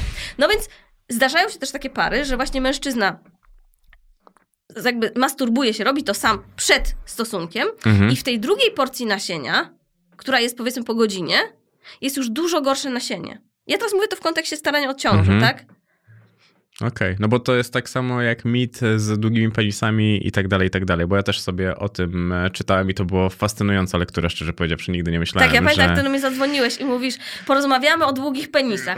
A ja mówię, co, ja się nie wiem, co ja mam ci powiedzieć o długich penisach. Nie są konieczne. Nie, nie, nie, powiedziałeś, że się nie znasz na penisach i mnie to trochę przeraziło w kontekście Kuby. Znaczy, no, e, no nie znam się na. Znaczy, no tak, no tak, no. Ja się znam na, ja się znam na... No nie, ale wiesz, że ja nie wiedziałem na przykład, no tak naprawdę 10-centymetrowy penis jest wystarczającym penisem ogólnie. Ośmio. I, e, no ja znalazłem, około 10 centymetrów, tak dokładnie było to tam e, określone, ale zobacz, e, dla mnie to była już e, A w fascynująca ogóle to informacja. wystarczający penis to zależy do czego? Zależy do czego. Bo wystarczający do zapłodnienia, czy Mhm. wystarczający do z, y, jakby No do pełnej przyjemności tam było około 10 centymetrów. do pełnej przyjemności mężczyzny czy kobiety? Kobiety. Kobiecie w ogóle penis jest niepotrzebny. No naprawdę. No dobrze, no ale już W sensie- w takim dopochowym do znaczeniu... pochwowym znaczeniu to 80% kobiet nie ma orgazmu przy stosunku pu- po pochwowym. No to też mnie zastanawiało. W ogóle 10% kobiet nigdy nie miało orgazmu. Tak. To jest, nawet- to jest jakaś abstrakcja. A szczerze więcej. Myślę, że jakbyś, jak myślę, że naprawdę więcej. U mnie w ankietach było tak, że e, już nie chcę ci do końca skłamać, ale było tak, że w ostatnim stosunku w ostatnim kontakcie płciowym Mhm. 60% kobiet nie miało orgazmu. W sensie ja nie, ja nie mówiłam ogólnie, czy w Mhm. życiu No, kiedykolwiek no, rozumiem, miało, rozumiem. Ale tylko w, ostat, w ostatnim, tak? Niesamowite to jest. To... I kobiety to totalnie akceptują. W sensie rozumiesz, jakby nie mają z tym problemu. Ja też nie mówię, że to jest jakby, że to jest aż tak globalny problem, bo ym, nawet w kontekście starań o ciążę, tak? Kobieta nie musi mieć orgazmu, żeby zajść w ciążę. No mężczyzna de facto musi mieć orgazm, musi mieć wytrysk Mhm. przynajmniej, tak? Bo też teraz podobno jest też tak, co dla mnie było bardzo dużym zaskoczeniem. Ja aż dzwoniłam do takich moich fachow, fachowych seksuologów. Jak to jest możliwe, żeby mężczyzna miał wytrysk, a nie miał orgazmu? Że słyszałam, tak mi na Instagramie napisano, że ktoś tam tak powiedział. No podobno tak może być. Jest to mega rzadkie zjawisko, Mhm. ale może tak być, że mężczyzna ma wytrysk, a nie ma orgazmu. Ale jest to jakby ultra, ultra, ultra rzadkie, tak? Natomiast kobieta nie musi mieć orgazmu, żeby zajść w ciążę. Co nie zmienia postaci rzeczy, że dobrze, żeby miała ten orgazm, bo ma wtedy lepiej przekrwione narządy, w sensie narządy miednicy mniejsze i lepiej Mhm. krwiona jest macica. Uważa się, że nawet jest lepsza perystaltyka jajowodów. E, Te skurcze powodują, że plemniki po prostu jakby łatwiej dostają się do, do tego jajeczka. Okej. Też zabawki erotyczne to jest bardzo ciekawy e, temat, bo to też było coś takiego, przy czym trochę posiedziałem i posłuchałem i poczytałem e, na ten temat, że nie ma uniwersalnych, że tak naprawdę każdy musi znaleźć e, to, co jemu przypadnie do, do gustu i to też jest bardzo, bardzo tam duża jest ta pozycja, bo to i dla facetów, i dla kobiet. Znaczy, no my mamy, wiesz, takie produkty u nas, więc po pierwsze, e, oczywiście, że każdy musi, znaczy musi, może znaleźć to, co mu odpowiada, bo niektórzy ludzie w ogóle tego nie potrzebują. Mhm. Rozumiesz? Też nie trzeba zakładać, że zabawki erotyczne są dla każdego. Dla jednych będą, dla innych nie będą. E, może być też tak, że w danym okresie w życiu chcesz to mieć, a w innym okresie w życiu tego nie potrzebujesz, tak? E, poza tym może być też tak, że dana, dany jakiś gadżet, zabawka się super sprawdzał przez jakiś czas i też Mhm. się nudzi. To tak jak dosłownie, jak wiesz, jak dziecko ma zabawkę i bawi się nią, w pewnym momencie ona się już nudzi i chce inną. Więc ten Mhm. rynek jest ogromny. To jest dosłownie rynek jak zabawek dla dzieci. Rozumiesz, co chodzi? Mhm. Że co więcej, wiele ludzi ma bardzo dużo, ma cały asortyment. To nie jest tak, że ma jedną zabawkę, tylko ma cały arsenał i wiesz, mówi dzisiaj to, dzisiaj tamto, czy tam, nie wiem, rozumiesz, co chodzi? Mhm. Ale takich ludzi jest bardzo, bardzo dużo. I nie ma jakby ten temat tych zabawek w krajach takich jak na przykład Niemcy czy Holandia, nawet już nie będę mówiła o Wielkiej Brytanii, bo Wielka Brytania to jest jeszcze inny temat, ale w krajach takich skandynawsko-germańsko, y, nie wiem jak to nazwać, Beneluxu, Mhm. jest absolutnie normalny. To jest tak normalnie jakby y, no, normalna rzecz. Rozumiesz, co chodzi? Mhm. U nas to jednak jest taki trochę temat tabu. Jest, jest. Ja też znalazłem, że w Indiach powstała Kama Sutra e, i, i to też mnie zastanawiało, bo tam w ogóle podejście do seksu było zupełnie inne i ogólnie podejście do seksu zmieniało się wielokrotnie na przestrzeni e, lat i wieków, no bo w, jeszcze na początku XX wieku, że jeżeli seks nie powodował ciąży, no to w ogóle był bezsensownym e, aktem. No też mi się mm, to bardzo rzuciło w oczy. No ja nawet jak czytałem o tych zabawkach, no to są zabawki erotyczne, które mają sztuczną inteligencję, że one po prostu są w stanie dostosować się do tego. No teraz tego nie wiedziałam, że takie coś jest, to, to mnie zaskoczyłeś, ale ogromny trend światowy to są zabawki erotyczne dla związków na odległość. W sensie coraz więcej ludzi mieszka, wiesz, na przykład tak, że nie wiem, mąż pracuje w Wielkiej Brytanii, Mhm. żona jest w Warszawie, albo jest, rozumiesz, w sensie tu bardzo dużo, albo nawet są pary, które się nigdy nie po- poznały się gdzieś w internecie, a nigdy się nie poznały na żywo, ale są Mhm. parą, ale autentyk, no. Mhm. I ja się, n- n- jakby tak się uśmiechasz, jak Aż ja ci się oczy świecą. no nie, nie, no. I, I kupują sobie gadżety Mhm. i takie gadżety są, tak zwane właśnie e-toy, znaczy i jakoś... ym, nie, i no nieważne, no jakby, elek, jakby z elektrycznym połączeniem do sterowania telefonem i tak dalej, w sensie... A, faktycznie, ja słyszałem. Rozumiesz? I kupujesz sobie, nie wiem, załóżmy jakiś tam taką sztuczną pochwę, Mhm. tak? Którą partnerka, która jest tysiąc kilometrów od ciebie, steruje. Rozumiesz? Mhm.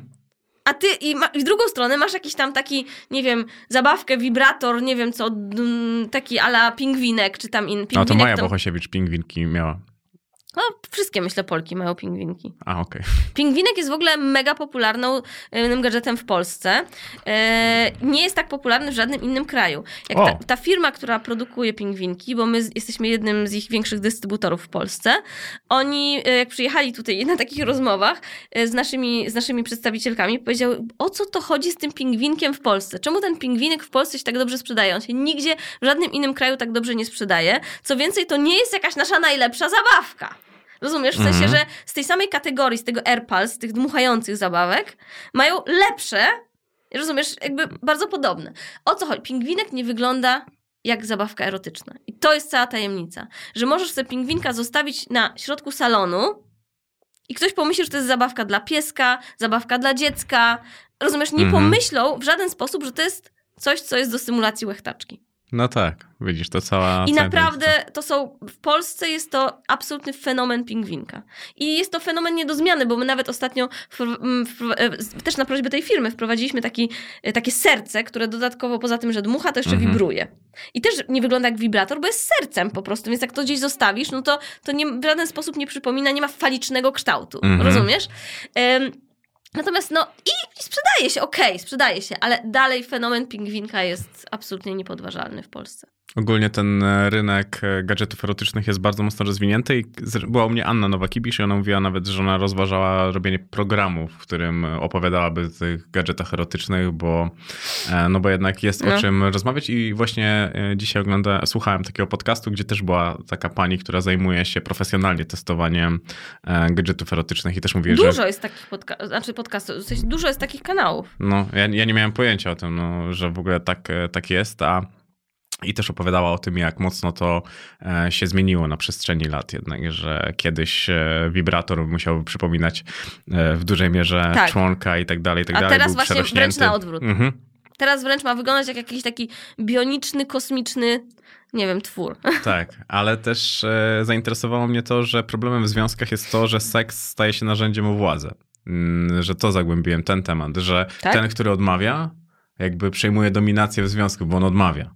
Że naprawdę ludzie mają z tym e, taki, taki problem, że na tej Tak? A to ja ci przestrzeni... powiem, że ja się nie będę tu wypowiadać, bo ja bardziej, jeżeli się interesuję seksuologią, to bardziej na takim fizjologicznym poziomie. Właśnie na temat rozrodczości, Mhm. seksuologia a roz, rozrodczość, albo y, seksuologia a zdrowie, sek, zdrowie takie ginekologiczne kobiet. Mhm.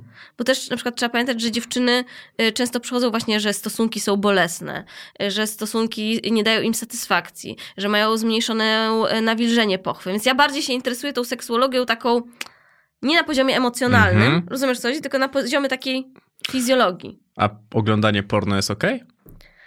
Tak. Znaczy w sensie, wiesz, to też zależy, no to trzeba sobie jakby... Z. Znaczy nie szukamy ekstremium, nie? Tak, No. że już tylko od razu nakieruję to, że takie normalne Znaczy oglądanie. przede wszystkim mi się wydaje, że to jest kwestia e, part, partnerów i partnerki. Jeżeli ktoś jest samotny i nie ma partnera, no to w sumie to jest jego prywatna sprawa, czy on sobie Mhm. ogląda, czy nie. Tak? W żaden sposób to nie jest coś, co jest patologiczne i wpływa na, wiesz, na twoją psychikę, tak jak nam może, znaczy no nie wiem, może oglądać jakieś, nie wiem, patologiczne treści, bo też wiesz, właśnie to, to jest też pytanie, bo porno jest, może być zupełnie normalne, Mhm.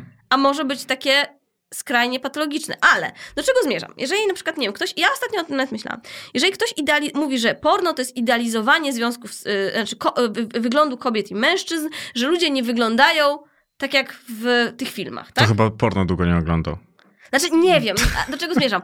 Pewnie dużo jest takich filmów, gdzie rzeczywiście są taki, wiesz, wszyscy idealni, kobiety, Mhm. wszystko, wiesz, mają równe, y, symetryczne wargi sromowe. Nie, przygotowując się do tego podcastu, przewaliłem najpopularniejsze strony porno. Nie ma tak. Tak? Bo Ale poczekaj, do czego zmierzam? no. Takie firmy też pewnie są i to jest główny zarzut Mhm. do pornografii, że tworzy nieprawidłowy obraz kobiety i mężczyzny, który jest nierealny w takim realnym życiu. Natomiast teraz pomyśl sobie, ja uwielbiam komedie romantyczne. Najbardziej głupie komedie romantyczne, które są naprawdę, czasami sobie myślę, że dla kogo to w ogóle na- nakręcono, ja to uwielbiam. Idealny, jakiś piękny związek, gdzie jakiś książę zakochuje się w jakiejś tam dziewczynie, wiesz, z sąsiedztwa Mhm. i tak dalej. Umówmy się, to też jest tak mega nierealne. Rozumiesz, co chodzi? Jakby filmy z założenia są nierealne w dużej mierze. Więc tak samo filmy erotyczne w dużej mierze są nierealne. No, raczej ślubu na koniec nie biorą, z tego co mi się wydaje, ale ja też uważam, że te filmy pornograficzne chyba i tak już się dostosowują do rzeczywistości, że to już e, koniec końców jest zbliżone. i- No nie wiem, ciężko jest mi jakoś tak, nie jestem specjalistą chyba w tej Znaczy dziedzinie. ja w ogóle nie czuję się specjalistą w tej dziedzinie, więc ale tak jakby jest, trudno mi też się... e, Ja Dla mnie to jest fascynujące. Nawet nie wiem, czy to nie było u ciebie w jakimś podcaście, że ktoś powiedział, a może to nie było w twoim podcaście, ale może było. Jakiś facet powiedział, że większość po pornografii teraz jest na zasadzie, że e, macocha... Rafał, tak, Rafał Ziemkiewicz to Tak? powiedział i, i jak w, sprawdzałem sobie te a to jest strony... ten, co mnie dojeżdżał w, w TVP. Naprawdę się dojeżdża? Tak, po, naprawdę. To jest, a on jest z TVP? E, on był, no. No, tak. tak. Dojeżdżał cię w TVP? Tak. Dojeżdżał mnie w TVP, to w ogóle była hardkorowa akcja, bo on powiedział, że ja sprzedaję e, bransoletki, które mają pomóc zejść w ciąży. A to jest w ogóle nie jest tak. Nasza fundacja... To dobrze brzmi. Stąd tyle siana. Co? Stąd No, tyle siana. ale nie, nie, nie. A chodzi o to, że w naszej fundacji jest coś takiego, co się nazywa dobra bransoletka. Mhm. I ta bransoletka to jest po prostu na działalność statutową fundacji, żeby pomagać kobietom w różnych sytuacjach okołoporodowych. Rozumiesz, co jest Mhm. jakby taka cegiełka. No, rozumiem. Tak? No i tutaj to zostało tak zinterpretowane. A i potem on tak chciał jakby ze mnie drwić, że ja polecam wietrzenie narodowe, czyli nie noszenie majtek w nocy. Tak? Wietrzenie Mhm. narodowe, taki mój główny No slogan. wiadomo. Ym, może ktoś nie wie, kto ogląda. Jak nie wiecie, to zgooglujcie Wieczenie Narodowe, bo to na tym zasłynęła mama ginekolog. Ym, ale zarazem sprzedaje majtki. Rozumiesz? To jak z boku na to posłuchasz, to sobie myślisz, każe spać bez majtek, ale sprzedaje majtki. No crazy person. No. O mój Boże. No to właśnie on to powiedział, że Tak, ale on powiedział właśnie, że to jest nienormalne. Widzisz, no on właśnie, on powiedział, że, że takie właśnie są hasła najczęściej szukane. Ja tego nie wiem, czy tak jest, więc ja tak jakby tylko powtarzam po nim. Mhm. Rozumiesz co? chodzi? No ale jeżeli rzeczywiście tak jest, no to to jest trochę strange. E, Ale jest tak. E, Tak? Jest tak. Ogólnie naprawdę na tych stronach pornograficznych, no bo ja przygotowując się naprawdę przewaliłem e, wszystko, co, dobrze to brzmi, wszystko, co istniało i nawet na stronie głównej po prostu wyświetlają się zazwyczaj właśnie takie, nie, że ale coś tam mamuśki i tak dalej, i tak dalej, więc to, to się wyświetla. A wiesz, druga kategoria to jest odwrotność, w sensie, że nastolatki. Mm, więc wydaje mi się, że takie po prostu ekstremium gdzieś tam góruje w tym wszystkim. No pornografia jest na pewno dużo bardziej rozbudowana dzisiaj. To już nie jest tak, że tam lalka Barbie i Ken e, uprawiają, e, uprawiają seks, tylko raczej... to Znaczy jest... nie, no zasadniczo myślę tutaj bazując też na tych profilach takich seksuologicznych, że jeżeli y, jesteś w związku partnerskim i partnerowi to nie przeszkadza, to jest to ok. Jeżeli nie jesteś w związku, to też jest to ok. Tak. No, najprościej rzecz ujmując. A co ty myślisz na przykład o swingersach? To są, to, na jakiej zasadzie to działa? Bo to jest Znaczy, dla ja mnie tego bardzo nie ciekawe. kumam. No ja też, dla- dlatego Tak pytam. jakby, ale nie, że oceniam kogokolwiek, kto jest swingersem. Swingujcie se do woli. Osobiście tego nie Rzuciłem ci rozumiem. granat i łap. No. Ja tego nie rozumiem, y, bo No. ja osobiście nie odczułam takiej potrzeby. Mhm. Y, wi- Powiem ci tak, no nie miałam też nigdy takiej sytuacji, żeby pacjentka mi powiedziała, że jest swingersem, ma różnych partnerów i tak dalej. Nie miałam takiej sytuacji, Mhm. więc nie umiem się do tego odnieść. Tak, wiem, że tak jest i wiem, że tacy ludzie na pewno są, tak? Mhm. Ale no dobra, no jakim to daje szczęście? No mam nadzieję, że używają prezerwatyw, żeby się nie, wiesz, zarażać.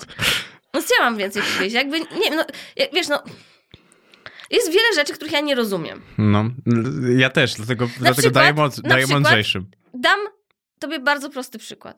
Ja nie rozumiem, jak można chcieć ska- skakać na spad- spadochronem. W sensie skakać z samolotu. Mhm. Ja bym tego w życiu nie chciała zrobić. Ale są ludzie, którzy sobie życia bez tego nie wyobrażają. Rozumiesz? Dla nich to jest Mhm. cel w życiu w ogóle. Spaść. No nie wiem, no rozumiesz, albo no, przeróżne są takie rzeczy, takie, które ja nie, nie pod... ale to nie znaczy, że ja tą osobę oceniam i uważam, że jest wariatem. Mhm. Ten ktoś po prostu chce robić coś, czego ja nie chcę robić. I tak chyba jest ze swingersami. Ja nie mam takiej potrzeby, ale nie chce każdy robić, co chce. No bo to jest e, z jednej strony dla mnie fascynujące, ale mnie to na przykład zastanawiało. Ja chciałbym porozmawiać z kimś, kto e, swinguje, chyba tak się to No. ten, bo y, jest to dla mnie ciekawe y, w takim odniesieniu, ale chodzi mi o to, że ja chciałbym nie porozmawiać tylko o swingowaniu, ale, no, o tej ale o całej osobie. zrobił taki podcast, ale wiesz, taki bez twarzy, Mhm. że opowiadają właśnie o takich różnych dziwnych rzeczach, takich w sensie, znaczy dziwnych, takich bardziej w naszym społeczeństwie tabu. Mhm. Że na przykład ktoś by ci opowiedział o swojej kolekcji gadżetów erotycznych, a ktoś inny by ci opowiedział o tym, że swinguje, a ktoś inny by ci opowiedział, że na przykład nie wiem co.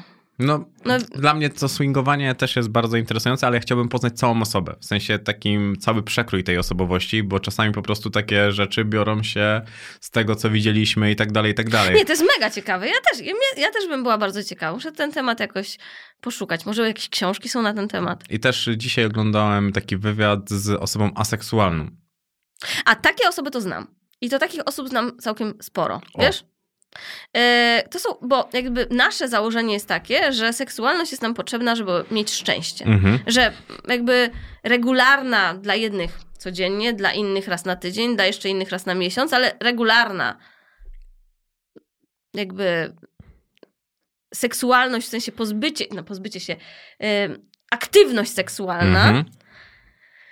jest istotna dla naszego zdrowia takiego fizycznego, psychicznego i w ogóle szczęścia.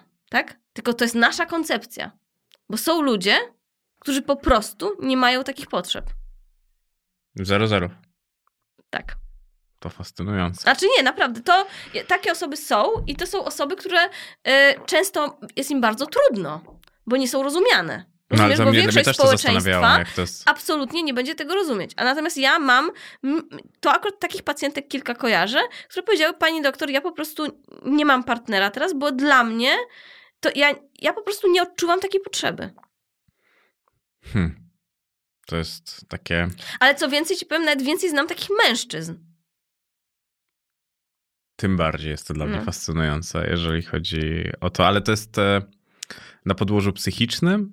Je, je, bo Znaczy, mi się zastanawiam wydaje, mnie, że skąd to się no, bierze. To, tak jakby to jest spektrum seksualności. Jedni mają duże potrzeby y, seksualne, inni mają bardzo, bardzo małe, a jeszcze inni mają nieistniejące.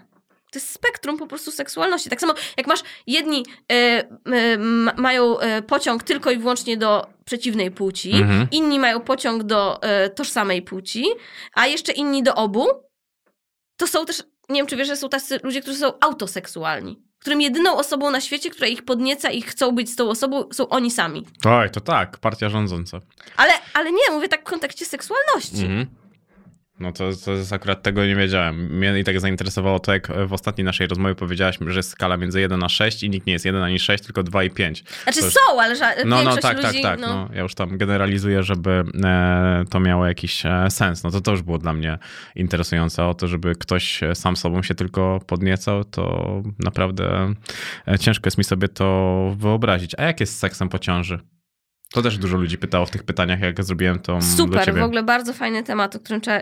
W ogóle, ogólnie em, tak, zacznijmy od tego, że jest taki mit w społeczeństwie, że se- seks po ciąży już nigdy nie będzie taki sam, będzie w ogóle gorszy i powiem wam, dlaczego ten mit jest trochę prawdziwy. Dlaczego Mhm. ten mit pokutuje w naszym społeczeństwie, bo on nie jest prawdą. Dlatego, że w pierwszych miesiącach po porodzie generalizując, ale mówiąc naprawdę dla większości kobiet, seks jest beznadziejny. Kobieta jest zmęczona, zajmuje się dzieckiem, jest niewyspana.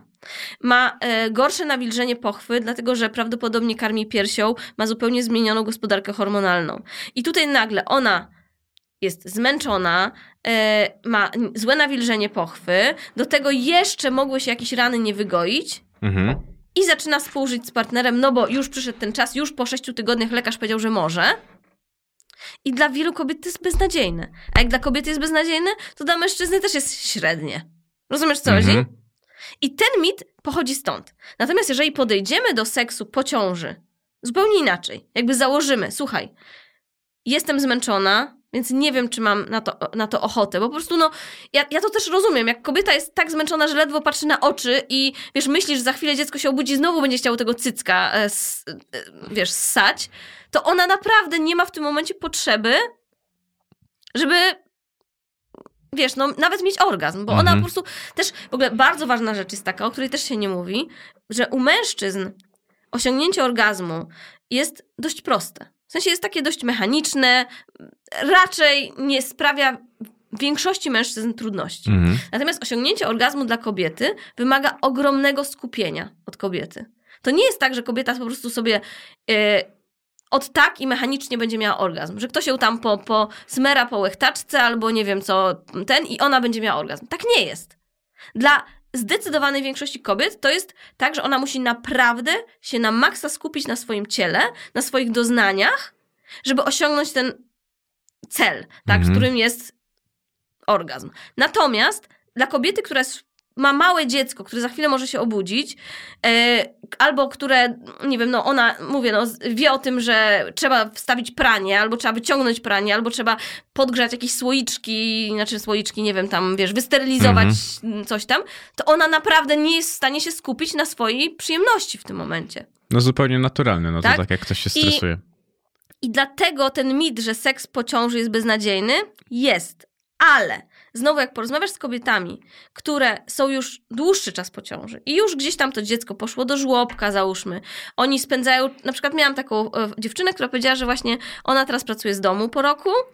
yy, I że mm, i dziecko jest w żłobku, a mąż też pracuje zdalnie. I ona mówi: Pani doktor, takiego seksu jak mamy teraz, to nigdy w życiu nie mieliśmy. My mamy wreszcie na siebie czas. My to nie robimy tylko wieczorem, jak jesteśmy zmęczeni, tylko my mamy teraz taką rutynę, że codziennie rano przed pracą się bzykamy.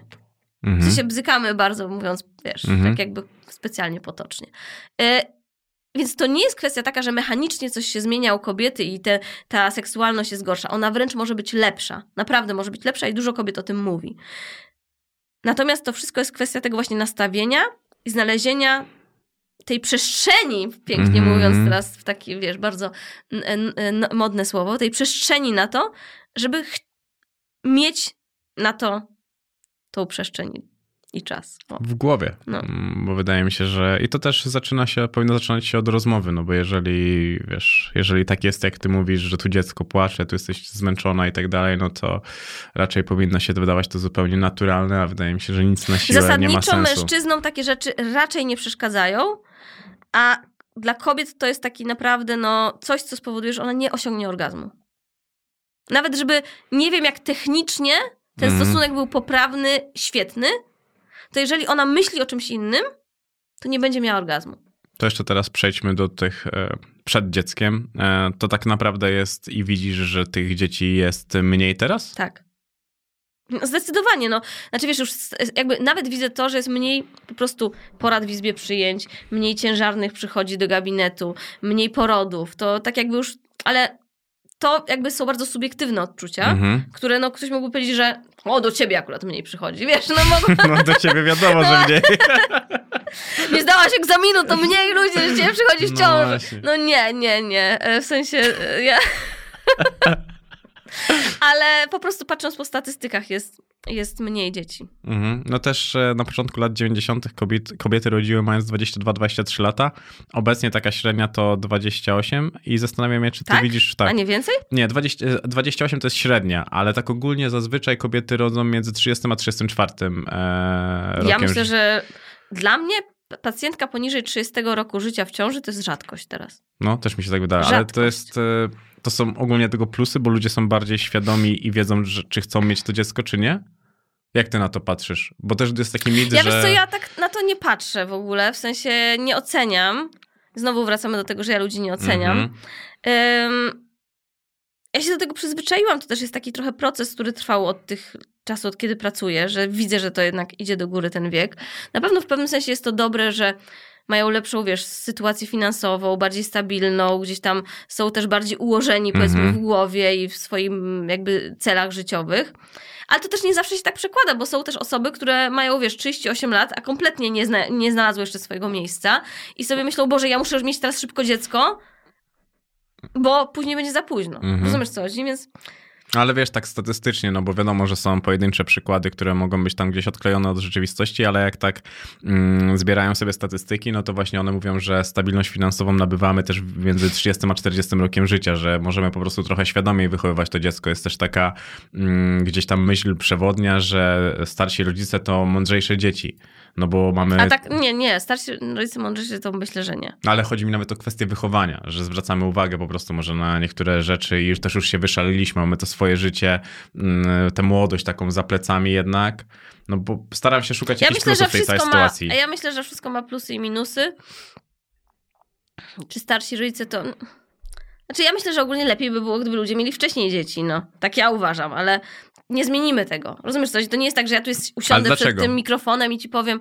No po pierwsze dlatego, że po prostu jakość materiału genetycznego, Mhm. po prostu medycznie, jakość materiału genetycznego, czyli e, zarodki i plemniki u młodszych osób, no przede wszystkim komórka jajowa, bo plemniki to tam wtórnie, bo nawet 70-letni mężczyzna może mieć dobry plemnik, Mhm. ale jeżeli chodzi o jakość komórki jajowej, no to czym jest młodsza kobieta, tym ona jest lepsza. Tak jakby medy- medycznie nie Mhm. można tego. Co nie znaczy, że ja uważam, że kobieta, która ma 38 lat albo 40, nie powinna starać się o dziecko. To jakby nie mylmy tego, bo tutaj trzeba, rozumiesz, nie, ale jeżeli mnie spyta pacjentka, czy gdybym pani doktor, gdybym ja zaszła w ciążę mając 30 lat, czy sa- szansa, że moje dziecko miałoby tą wadę byłaby mniejsza? No to niestety ja muszę na to pytanie odpowiedzieć tak. Mhm. Okej. No to też e, to jest znaczące. To masz rację w takim wypadku. Mnie to zastanawiało właśnie, jeżeli chodzi e, o to, co jest dla nas bardziej naturalne. No bo jednak uważam, że my jako ludzie cały czas się kształtujemy i dochodzimy do takiego momentu, gdzie już to kształtowanie jest naprawdę na Naturalne całkiem... na pewno by było, żebyśmy mieli wcześniej dzieci. Natomiast ja też uważam, że e, przez to, że my naturalnie dostaliśmy ogromny mózg, Mhm. tak? No my jak, jako zwierzę mamy nienaturalnie duży mózg, który nienaturalnie dużo potrafi zrobić, dużo przemyśleć, dużo wykombinować i dużo sobie rzeczy narzucić, tak? Mhm. Więc idąc tym torem myślenia, to to, że mamy później dzieci, jest naturalne, naturalną konsekwencją tego, że mamy tak duży mózg. No właśnie, no bo gdzieś też po prostu e, to tak wygląda i że dzisiaj bardziej myślimy o sobie, tak mi się wydaje. Że dlatego też ten wiek jest coraz bardziej przesuwany. Że już nie ma czegoś takiego, że jest jeden utarty szlak, że, wiesz, że nasze ja poczucie myślę, że to wartości... bardzo, bardzo są różne e, powody, czemu ludzie mają później dzieci. A to jak ty o tym myślisz? Znaczy tak, przede wszystkim myślę, że ludzie em, niestety dużo jest e, singli teraz. Mhm. Ogólnie ludzie, znaczy niestety, ja uważam, ludzie nauczyli się żyć samemu. Ludziom jest dobrze. Przez to, że są tak rozbudowane social media, kontakty towarzyskie możesz mieć, wiesz, w internecie, w komórce, nie ma już takiej potrzeby, jak kiedyś, żeby ludzie te kontakty towarzyskie mieli naprawdę, wiesz, na żywo. Mhm. Więc ludzie nauczyli się żyć właśnie jako single. No tak jakby takiej populacji singli nie było chyba nigdy w, wiesz, w, w żadnej epoce. Tak? Najprawdopodobniej. Więc, no, więc jak już jesteś singlem, no to ciężko jest mieć dziecko. Zwłaszcza w Polsce, bo na przykład w innych krajach jest całkiem normalne, że kobiety singielki mogą zdecydować się mieć dziecko z banku nasienia. Ja uważam, że to jest super. Czy w Wielkiej Brytanii, czy nawet na Ukrainie. Kobieta idzie do kliniki leczenia niepłodności, mówi: OK, nie mam partnera, ale ja chcę mieć dziecko. W Polsce jest to nielegalne. O, to, to znaczy tak przypuszczałem, ale nie wiedziałem, że w innych krajach jest tak łatwo. No bo to tak samo trochę jak z tą adopcją, że która jest ciągle kłopotliwa jednak e, dla wielu e, osób, a wydaje mi się, że to powinno być, jeżeli Znaczy, jest z tym no, problem, może ja no to... wsadziłam jakiś tu kir i mrowisko, ludzie powiedzą, że ja nie mówię. Ja akurat uważam i mam takie pacjentki, że jeżeli kobieta chce mieć dziecko, to powinna mieć prawo mm, zajść w ciążę. Y, Niestety w Polsce legalne jest, żeby dziewczyna poszła i po prostu miała, mm, wiesz, y, niezabezpieczony stosunek z przypadkową Mhm. mm, facetem na dyskotece, to jest legalne. A że poszła do kliniki niepłodności i, i y, nie narażając się na infekcje, na przeróżne rzeczy, przebadana, świadomie zaszła w ciążę, to już jest nielegalne. A to jak wygląda taki proces e, wyboru nasienia? No bo to jest dla mnie wtedy interesujące. Katalog. Tak? I na przykład Znaczy wiesz, w Polsce takie... nie ma takich... No nie, no jasne, że w Polsce nie ma, no ale jest w Wielkiej Brytanii. Znaczy wiesz co, no nawet powiem ci, że em, nawet możesz sobie narodowość wybrać, więc nawet w Wielkiej Brytanii, czy na Ukrainie, czy tam na Czech, w Czechach, możesz w katalogu sobie wybrać, że chcesz mieć dziecko polskie, w sensie, że jest Mhm. napisane Polak. Okej. I Ale no masz na przykład, nie wiem, No jaką miał pracę, tak? Tak, mhm, masz napisany kolor włosów, kolor oczu, kolor skóry, wzrost.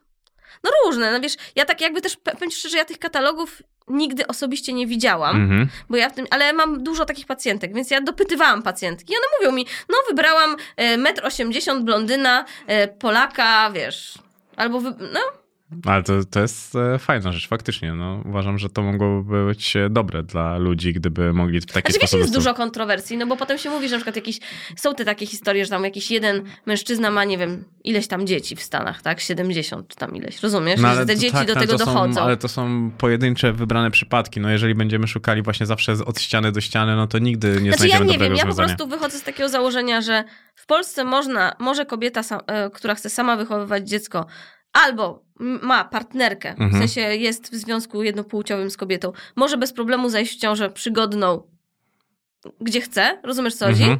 Bez problemu. Aplikację wpisuje, chce się spotkać i starczy, rozumiesz co chodzi? Mhm. Ale nie może tego zrobić legalnie w klinice. Jakby to mi się nie mieści w głowie. No mi też w takim e, wypadku. Znalazłem takie zdanie, które też jest dla mnie bardzo ciekawe, że rodząc się jesteśmy zaprogramowani na rozmnażanie, e, rozmnażanie.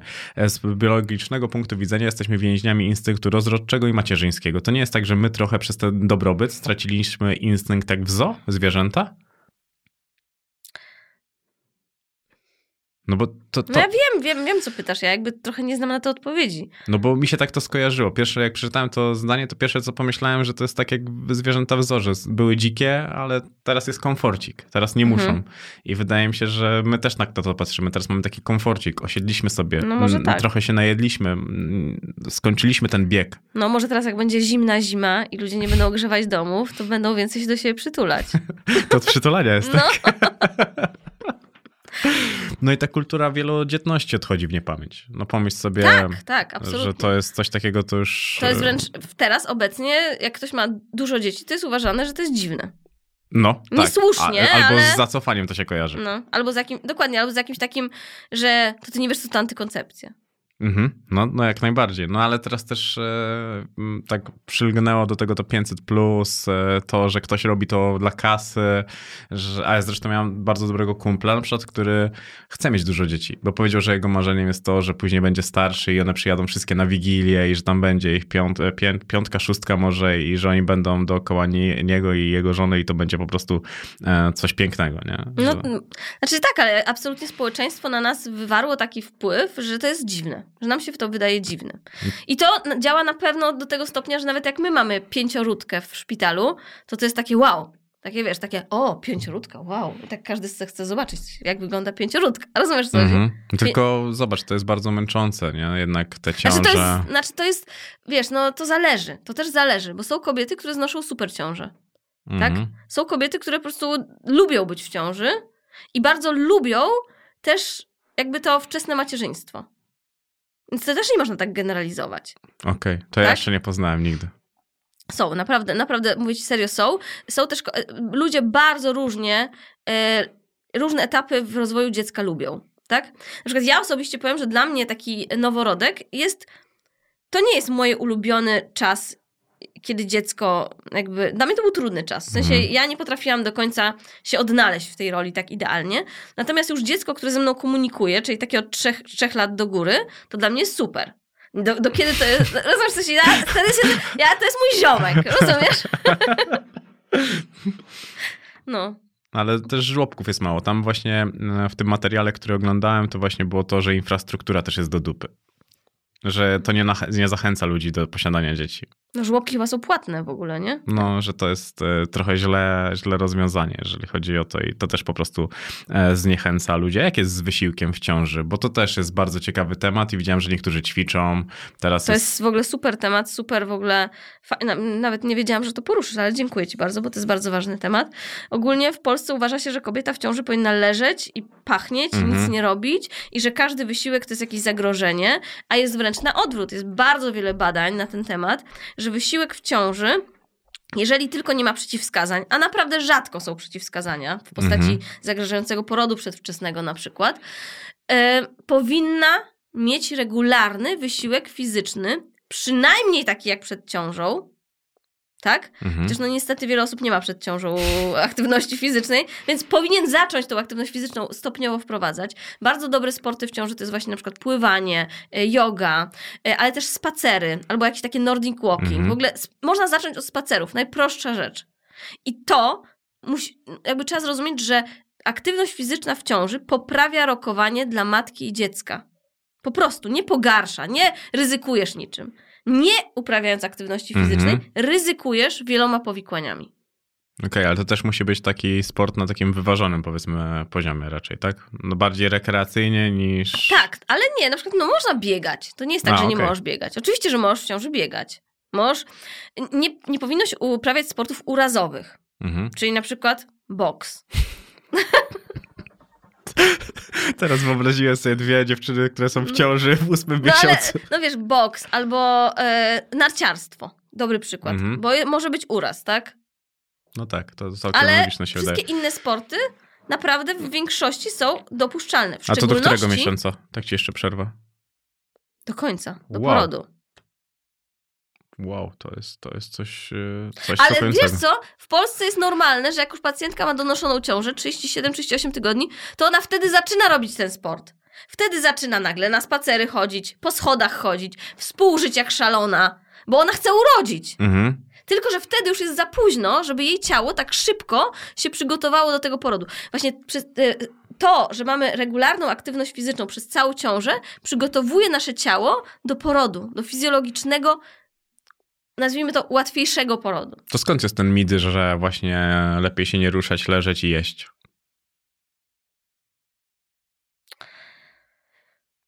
Nie wiem, ja chcę powiedzieć, że może z tego, tych takich czasów bardzo ciężkich, Mhm. gdzie wiesz, kobiety. Kobiety. Były takie czasy po wojnie, że kobiety dosłownie, wiesz, rodziły dzieci na polu, musiały uprawiać, wiesz, ziemniaki, budować domy, je, kobiety na traktorach i tak dalej, mimo tego, że Mhm. były w ciąży. Rozumiesz, nie było, było jakby odchylenie w drugą stronę, było zero oszczędzania kobiet, bo po prostu mężczyzn, dużo, bardzo dużo mężczyzn umarło w trakcie, wiesz, wojny, Mhm. i było bardzo dużo kobiet, które po prostu musiały to społeczeństwo odbudować. I był taki nacisk, ja teraz wymyślam, to ja wymyślam, w sensie wymyślam to, co ja mo- myślę, Ale to że... brzmi Mo- logicznie. I że kobiety były po prostu, musiały mieć tą rolę takiej, y, taką, no nieważne, czy były w ciąży, czy nie były w ciąży, czy karmiły, musiały jakby społeczeństwo odbudować, tak? Mhm. No i potem przyszedł takie te lata, powiedzmy 70-80, gdzie już to społeczeństwo się powoli odbudowało i powiedziano kobietom, no to teraz możecie odpoczywać. Ty jesteś królową w ciąży, ty teraz odpocznij, tobie się należy. Okej, kobieta w ciąży powinna odpoczywać w kontekście stresu. W ogóle to jest bardzo ważne, Mhm. żeby kobieta się nie stresowała w ciąży. To ma ogromny wpływ też na, na przebieg ciąży. Natomiast jedna rzecz to jest stres w kontekście stresującej pracy, jakiejś niesprzyjającej atmosfery i tak dalej, a inna rzecz to jest aktywność fizyczna. Mhm. Aktywność fizyczna wręcz obniża stres. No tak, no, i też jest rozła- można rozładować e, stres podczas e, aktywności fizycznej. A często zdarza ci się prowadzić bardzo trudne ciąże? Mm,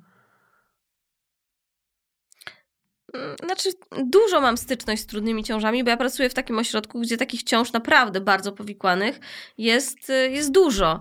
Y, I teraz zadać pytanie, czy ja takie ciąże prowadzę. Zasadniczo ja takich ciąż nie prowadzę, bo takie, jeżeli mam bardzo trudną ciążę, Mhm. to ja ją kieruję ym, do kogoś bardziej doświadczonego ode mnie, bo Mhm. wiesz, do pani profesor. Ym, ale, ale mam jakby na co dzień styczność z tymi ciążami i na dyżurach się tymi pacjentkami zajmuję. Więc rozumiesz, nie jestem ich lekarzem prowadzącym, rozumiem. ale jestem ich lekarzem. Więc tak, no na co dzień. Bo to też e, mi się rzuciło w uszy, że jest e, coraz więcej takich e, przypadków. No i ta epidemia Jest coraz więcej ciąż powikłanych z dwóch głównych powodów. Kobiety coraz później zachodzą w ciążę, więc ciąża jest ciążą większego ryzyka, Mhm. czyli jest większe ryzyko zarówno wad, jak i powikłań typowo ciążowych. I kobiety są coraz bardziej otyłe, w sensie nadw- nadwaga, otyłość. Okej. To są te dwa główne powody. Czyli takiego nic bardzo skomplikowanego tak naprawdę, mm, jeżeli chodzi o to, a poród w domu zły. To jest, wiesz, temat taki, no, według badań teoretycznie, to jest temat, który ostatnio był, była na mnie, nazwijmy to taka, jakby komentarz w internecie, y, że dlaczego ja nie mówię faktów i nie mówię, że badania naukowe mówią, że mm, poród w domu jest bezpieczny, tylko mówię moje zdanie. No po pierwsze, to było Q&A i ktoś mnie spytał moje zdanie i moje zdanie jest takie, że nie potrafię zrozumieć, dlaczego ktoś się decyduje rodzić w domu, yy, gdzie wiąże się to z bardzo dużym ryzykiem. Co więcej, większość powikłań takich naprawdę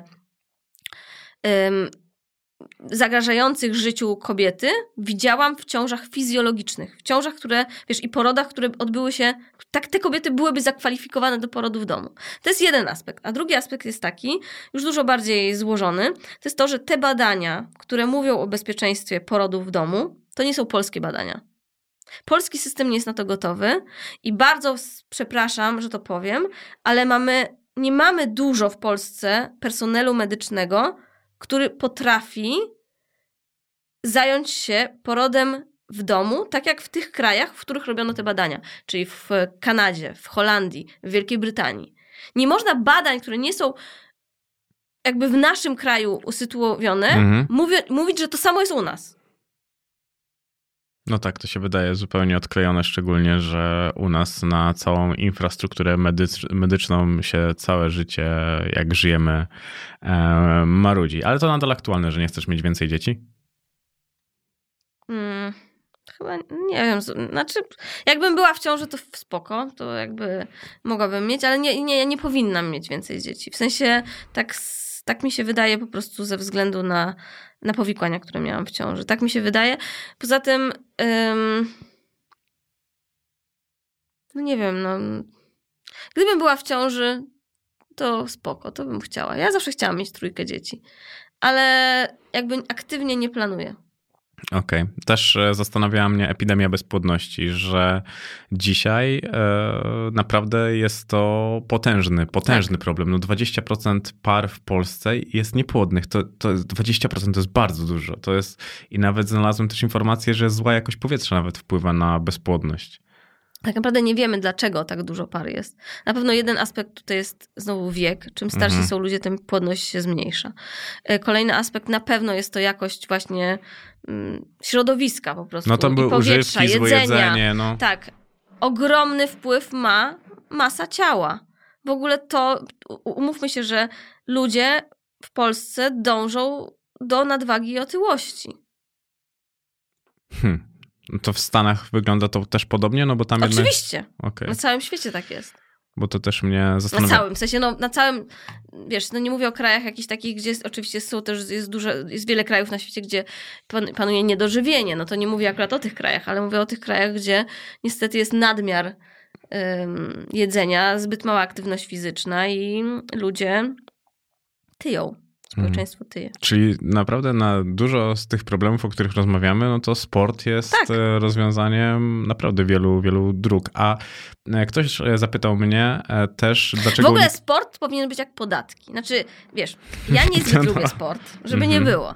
Ale tak samo nie za bardzo lubię podatki. No ale mhm. podatki muszę płacić. Teraz wyobraź sobie taki idealny kraj, że na mhm. przykład masz obowiązek płacić podatki, ale masz też obowiązek uprawiać sport.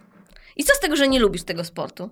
Musisz go uprawiać, no bo to jest jakby twoje, twój wkład w społeczeństwo. No to jest taki e, gościu, nazywa się Zen Jaskinowca i on robi bardzo świetne podcasty, ogólnie o motywacji.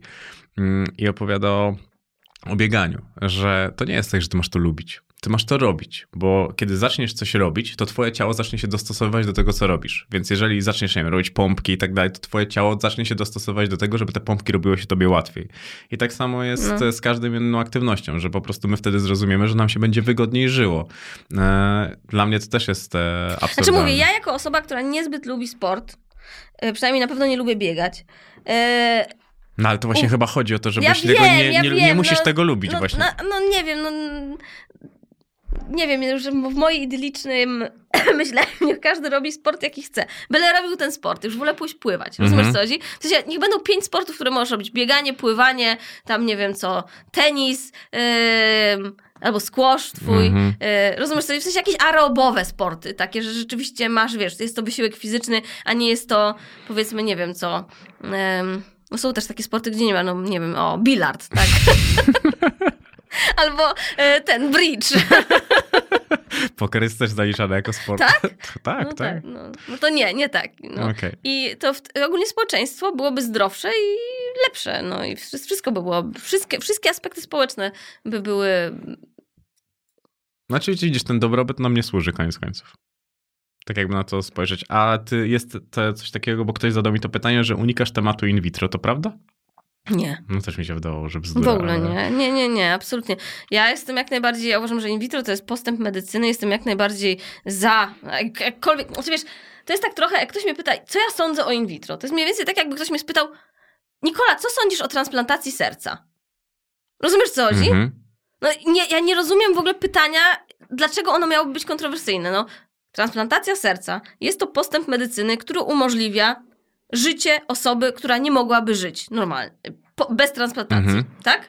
Więc podobnie jest z in vitro. In vitro jest metodą medyczną, która umożliwia parom, które nie mogłyby w sposób naturalny mieć dziecka, posiadanie potomstwa. Tak? Hmm. I nikt, nie wiem, ja, wiesz, taki już powiem ekstremalny przykład. E, Jeżeli ktoś uważa, że in vitro to jest jakieś ingerowanie w wolę Boga, tak? Mhm. Wchodzimy, ingerujemy. Bóg nie chciał, żeby ta para miała dziecko, tak? Więc nie możemy ingerować w wolę Boga i pomagać im dostępnymi metodami medycyny posiadać potomstwa. To na tej samej zasadzie może porozmawiajmy o tym, że ja mam wadę wzroku. Noszę soczewki. Więc Bóg chciał, żebym ja nie dowidziała. Więc jak ja mogę ingerować w wolę Boga i zakładać sobie codziennie soczewki do oczu? Rozumiesz? Skrajny przykład. No, już wiem, dlaczego nie ochrzciłaś jednego syna. Ty ingerujesz w rolę. Tak. No, ale, ale no, nie, no i to są dla mnie takie, wiesz, takie tylko jakby, eks, jakby ekstrapoluję to, po to, Mhm. żeby może ktoś zrozumiał, że jedno i drugie to są postępy w medycynie. No, dla mnie to jest y, jak najbardziej zrozumiałe i też mi się wydawało to absurdalne, szczególnie po naszej pierwszej rozmowie, gdzie tam trochę, e, trochę poruszaliśmy takich tematów i ja, dobra, zapytam, bo, bo to jest naprawdę bardzo, e, bardzo ciekawe, jeżeli chodzi o to. A mm, dużo rozmawialiśmy tutaj o kobietach, a ciekawi mnie, jakie masz zdanie o feminizmie. To taki kolejny ten, ten granat, który ci rzucam. No właśnie. Nie, no, feminizm w ogóle teraz jest takim tematem trudnym, bo każdy go inaczej rozumie. Rozumiesz co chodzi? W sensie, No właśnie nie.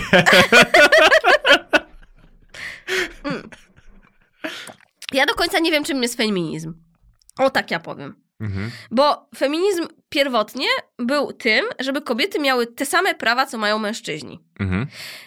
Następnie, gdy kobiety już jakby dostały te same prawa, w większości, myślę, przypadków mamy te same prawa, to jednak okazało się, że feminizm jest dalej potrzebny, dlatego że mimo, że mamy te same prawa, to nie jesteśmy tak samo traktowane. Chociażby w, z, wiesz, w, e, w pracy, w jakichś różnych sytuacjach społecznych i tak dalej, tak? No więc feminizm jest potrzebny, natomiast pewnie jest jeszcze taki drugi ekstremalny feminizm, który gdzieś tam umniejsza mężczyznom. Rozumiesz co chodzi? Mhm. I absolutnie za takim feminizmem nie jestem, ale myślę, że tak jakby raczej feministki, które kojarzę, też za tym nie są. Rozumiesz co chodzi? Więc no nie wiem, no ja no ale też... często rozmawia się właśnie o tym ekstremalnym. Mm, tak mi się wydaje, że ten ekstremalny wychodzi jakby Znaczy, wiesz, przed szereg i ja nie psuje, wiem- ja nie wiem, jak to nazwać. wizerunek O- tego, o którym Znaczy ty ja, mówisz. ja nie czuję się też jakby osobą, która jest chyba odpowiednia, żeby na to odpowiadać, bo ja nie jestem ani za, ani przeciw feminizmowi. Też jakby za dużo czasu nie poświęcam myśląc o feminizmie. Natomiast pytanie jest, czy jeżeli ja na przykład, ja, ja uważam, że jest coś takiego jak role płciowe. Mhm. Osobiście, w moim, moim życiu. W sensie, ja nie zarzucam tego wszystkim. Natomiast jest tak, że u nas w domu śmieci wynosi Kuba, ale już na przykład, nie wiem co, e, to, żeby zawsze były zakupy zrobione w domu, za to odpowiadam ja. Mhm. Rozumiesz, co chodzi?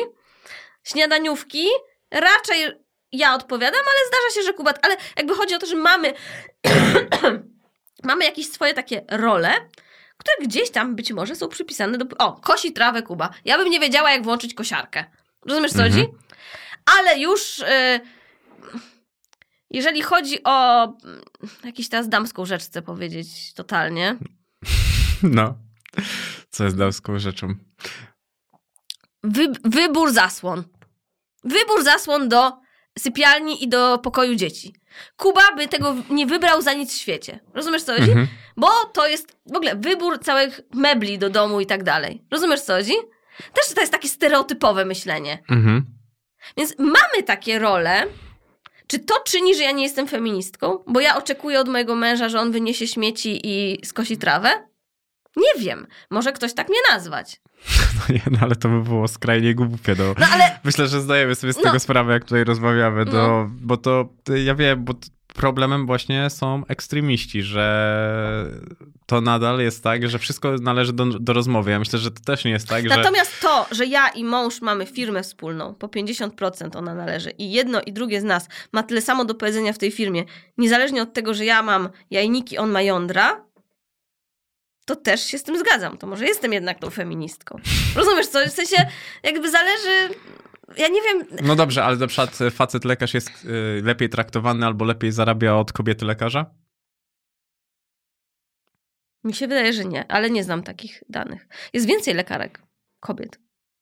No. Więc e, wiesz, bo tutaj często jest o to chodzi, nie? Znaczy, ja nie wiem tego. Ja ci powiem tak, że ja nie chcę, żeby ktoś wyciągnął to zdanie z kontekstu, bo ja tego nie wiem. Nie mam takich suchych danych. Mhm. Czy lekarz zarabia więcej jako mężczyzna? No, okej. Na pewno jest więcej lekarzy na wysokich stanowiskach mężczyzn. W sensie na przykład ordynatorskich. Mhm. To na pewno. Ale i to, wiesz, z czego mi się wydaje, wynika, bo o tym ostatnio myślałam. Wynika to z macierzyństwa. Też o tym myślałem w taki sposób właśnie. że mężczyźni osiągają, wiesz, nie mają przerw w karierze, Mhm. więc po, tej, po tych szczeblach kariery wchodzą bez jak gdyby przerw, a kobiety mają te przerwy i przez to mają trudniej dojść do tego, załóżmy, do tego bycia ordynatorem. Tak, nawet miałem przygotowane dokładnie, e, jak długo kobiety są na zwolnieniach macierzyńskich i jak to po prostu wpływa, a szczególnie, że jeżeli rozmawiamy o wysokich stanowiskach, no to powiedzmy, że te wysokie stanowiska, no to są ludzie starsi, więc też zupełnie inne pokolenie, więc tam na przykład mogło się pojawiać więcej niż dwójka czy nawet trójka dzieci, e, więc też po prostu te urlopy macierzyńskie były konsekwentnie po prostu przez to dłuższe, przerwa w karierze Ale też dłuższa. pamiętajmy o tym, że wiele kobiet chce być w domu z dzieckiem po urodzeniu, Mhm. a nie musi. Bo to też jest argument często, że kobieta musi mieć tą przerwę. Rozumiesz co chodzi? Że kobieta na pewno by chciała szybko wrócić do pracy, gdyby mężczyzna został z dzieckiem. A ja myślę, że jednak większość kobiet naprawdę chce być z dzieckiem I. I mają pełne prawo do tego. Dokładnie. No, I mogą czuć się zupełnie szczęśliwe, bo to też jest po prostu tak, że nie możemy narzucać jednego tak, modelu że życia. musisz, że żeby być szczęśliwym, to trzeba szybko wrócić do pracy. No, zapierdalać, robić karierę i No. tak dalej, bo każdy jest stworzony jednak do e, czegoś e, innego. Też mnie zastanawiało to, że sama już tutaj na początku rozmowy powiedziałeś, że Instagram się zmienia, że tam spadali, co No. obserwujący, spadały zasięgi, to się wszystko tam jednak zmienia. Nie myślałaś, żeby coś zmienić? Albo czy, bo wiesz, bo jednak tak, zdjęcia trochę gasną. Nie, a- mi teraz, teraz mi cały czas rośnie. Ogólnie powiem ci, że na tle innych profili ja mam bardzo dobre wyświetlenia. Jak sobie tam zobaczysz rolki, czy tam inne, więc, więc wi- jakby u wszystkich się zmniejszyło, bo stał się Instagram bardziej globalny. Instagramowi bardziej zależy, żebyśmy, wiesz, kiedyś było tak, że proponował Polakom polskie profile, Mhm. tak? A teraz proponuje nam profile z całego świata. Więc summa summarum, te nasze polskie, wiesz, y, profile są proponowane też innym z innych Mhm. krajów. I teraz tak, jak mój profil jest proponowany jakiejś dziewczynie w Stanach Zjednoczonych, albo w Niemczech, albo gdzie, ale ja zauważyłam, że ja mam więcej na przykład międzynarodowych obserwatorów teraz. Tak, wiesz, to jest jakiś tam promil, Mhm. ale mam, tak? Bo wcześniej Instagram w ogóle nie promował mojego konta gdzieś poza. Rozumiesz? Teraz zaczyna to robić. Natomiast no, mało osób, jak słyszy jakąś laskę, co mówi po polsku, myśli, to nie dla mnie. Rozumiesz co? A Mhm. jak ktoś prowadzi profil po angielsku, tak, no to w sensie ja nie mówię o sobie teraz, tylko załóżmy jakiś profil o modzie, czy tam o seksualności, czy tam o Instagramie, o czymkolwiek. Mhm. Załóżmy, że ktoś prowadzi z Szwecji albo z Wielkiej Brytanii, albo ze Stanów Zjednoczonych i prowadzi go po angielsku. Tak? No to ten profil bardzo jest prawdopodobne, że zainteresuje też obserwatorów w Polsce na przykład. No albo tak? jak nagrywa ładne wideo bez Tak. mówienia. No to... Albo dokładnie, ładne wideo, bez... dokładnie. E, więc mnie to, ja naprawdę się nie przejmuję, dlatego że to dotyczy nas wszystkich. Rozumiesz, gdyby to dotyczyło personalnie mnie, Mhm. a wszyscy, a wszyscy inni mieli lepiej, no to ja bym się zastanawiała, co zrobić, żeby mieć tak dobrze jak inni. Ale skoro ja wiem, że to dotyczy nas wszystkich po prostu, jak Mhm. rozumiesz, tak po prostu się świat zmienił, to po co ja mam z tym walczyć? Co ja mam robić? Co ja mam, wiesz, jakby stanąć na... Ja, ja, oczywiście, że ja wiem o tym, że, no, nie wiem, klikają się rolki y, gotowanie, tam, że powiem, jak zrobić makaron, jak zrobić coś tam. I raz na jakiś czas mogę coś takiego wrzucić, bo umówmy się, no, moje książki y, kulinarne się rewelacyjnie sprzedały i to był taki jakby jeden z większych zasobów, zastrzyków gotówki, Mhm. jakie w życiu miałam, to właśnie książki kulinarne. Więc ja wiem o tym, że y, kulinarne rolki będą dobrym pomysłem, który pewnie powinnam pójść, tylko ja do końca nie mam czasu, na, żeby na to znaleźć. Rozumiesz, co Mhm. chodzi? Ale gdybym miała więcej czasu, to na pewno myślę, że mogłabym sobie zrobić takie założenie, że raz na dwa tygodnie robię kulinarną rolkę, bo to się klika. No, no i mnie zastanawiało to nawet jak rozmawialiśmy o tym, że miałeś propozycję z programem z TVN-u, mm, że czy nie myślisz o tym, żeby po prostu iść w tą stronę, zrobić po prostu jakiś inny krok, poszukać trochę nowego e, wyzwania? No bo zastanawiało mnie, co cię rajcuje jeszcze, że gdzieś tam szukałem tego wszystkiego, no, No. bo No właśnie, to, to, to wrócimy do tego, co mówiłam ci wcześniej. Ja jestem w tym momencie tak szczęśliwym człowiekiem i wszystko jest, moje życie jest tak jakoś poukładane i fajne, że ja nie szukam nowych wyzwań. Ale to nawet nie chodzi o wyzwanie, tylko taki kolejny krok do trochę nieśmiertelności, że mnie zastanawiało, czy po prostu nie boisz się tego, że zmienia, że ta platforma... No to na przykład powiem ci, to nie uwierzysz tego, ale ja to powiem. Ja na przykład kończąc teraz tą książkę, tą o ciąży, Mhm. mój mąż mówi, dobra Nikola, ty się tak strasznie tym zachwy- tak jakby mega jesteś w to Mhm. wczuta, y, a to wiesz, no, że nie chcę, żebyś się rozczarowała, bo mi się wydaje, że ludzie już nie czytają, nie chcą książek i tak dalej. A ja naprawdę wierzę, że to będzie taka druga, wiesz, druga what to expect when you're expecting, że to będzie po prostu książka, która będzie pokolenia z nami. Ja uważam, że jak napiszesz tą książkę, to ona rozpierdoli e, akurat... E, W sensie rozumiesz, to jest książka, której nie ma na rynku, a ciąża będzie z nami przez następne generacje. I ja naprawdę wierzę, że to jest książka, która może ogrom zmienić i uważam, że to jest bardzo duży krok. Natomiast czy tak będzie, czy nie, już mówiłam, trochę się boję, że może się z, z, jakby zbije ze ścianą, że ludzie powiedzą, ty, ale ludzie nie chcą czytać o ciąży. Oni wolą w Google wpisać, mogę pić kawę? Może tak być, no. Ostatnio e, czytałem e, o kawie, że jest też dużo mitów e, związanych Można z... pić kawę w ciąży. Właśnie. E, też mówiliście o marce dla wyborczej, mówiliście o marce, żeby była za granicami Polski, dlatego No skróciliśmy chcemy, nazwę. chcemy. Chcemy, mamy, mamy pomysł na nazwę. Nie wiem, czy mówiłam tam? Nie mówiłam. Mówię, że skróciliście po prostu. A skróciliśmy, tak, ale w ogóle mamy też jakby nazwę, inną markę, pomysł na, na jakby podmarkę, która będzie międzynarodowa, ale to może nie będę mówić, Mhm. bo widzę, że tego nie ogłaszaliśmy. Ym, no, o, chyba jeszcze w tym tygodniu czy przyszłym, ale to się ciągle przyciąga, ma być sprzedaż już w Wielkiej Brytanii. No gdzieś tam chcemy mieć sprzedaż za granicą, ale też wiemy, że to jest duże wyzwanie takie, żeby pozyskać klienta, no bo tutaj mamy klienta, wiesz, w zupełnie innym modelu, takim Mhm. modelu social media, a tu będziemy musieli mieć klienta z takiego bardzo tradycyjnego No marketingu. tak, no nawet sama ty co mówiłeś, że musiałaś e, gdzieś tam na Instagramie wrzucać, nawet jak nie miałaś dnia, No. po prostu, żeby generować e, sprzedaż. A miałaś coś takiego, jakąś największą porażkę albo pomysł, który nie wypalił w firmie i był taki twój, twój? Hmm.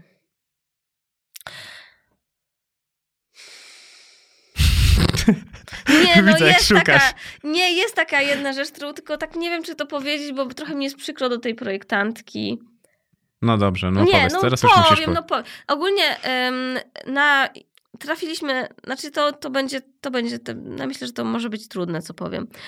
Em, Wymyśliliśmy sobie, że e, dzielimy się na różne linie, że robimy takie jakby daywear i robimy taką linię też e, glam. Mhm. W sensie RP Glam.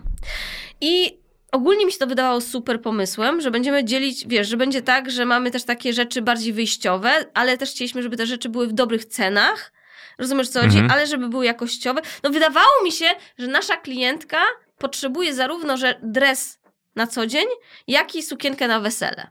Jak i garnitur na chrzciny. Jak i, ym, nie wiem co, ym, bardziej wyjściową marynarkę. Mhm. Rozumiesz, co chodzi? Natomiast jakby nie rezygnujemy z tej linii zupełnie, ale zmniejszamy ilości w tej linii czterokrotnie. Bo jednak okazuje się, że nasza klientka to jest klientka, która chce kupić dres, która chce kupić wyprawkę, a niekoniecznie w tym samym sklepie chce kupić sukienkę na wesele. Mhm. Tak? I to była taka, to była dla nas nauczka. No to nie, może nie porażka, bo jak gdyby okej. Ja uważam, że te, te rzeczy, które zrobiliśmy są super i dalej będziemy mieli tam 3-4 rzeczy na, na Sylwestra, tylko już nie będziemy robili tego ciągle, tylko będziemy mieli tak jakby dwa razy w roku, że będziemy mieli w tym sezonie takim majowym, chrzcinowo, w, w, wiesz, weselnym i będziemy mieli takim karnawałowo-sylwestrowym. Mhm. A wiesz, a potencjał wydawało mi się, że my możemy mieć kiecki, wiesz, no w innej linii mamy co dwa tygodnie. Mhm. Więc to jest taka linia, z której się może nie wycofujemy, ale ją bardzo ograniczamy, a była takim moim oczkiem w głowie. Wydawało mi się, że to będzie super. Wydawało mi się, że to jest coś, co dziewczyny uwielbiają. I na przykład, jeżeli chodzi o rolki, to rzeczy z glamu się najlepiej klikają. Jak ja założę coś z glamu, to wiesz, jest wow, wow, wow, wow. Rozumiesz?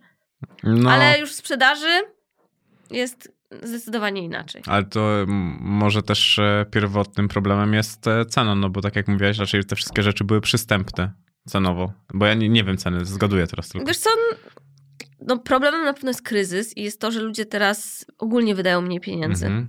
bo mają mniej pieniędzy.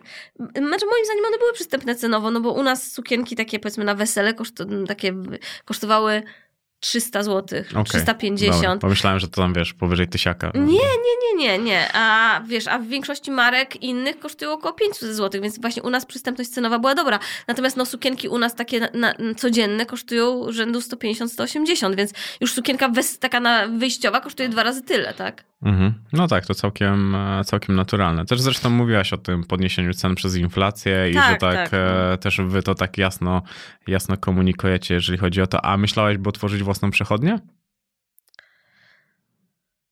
Kuba by chciał, więc nie jest to wykluczone.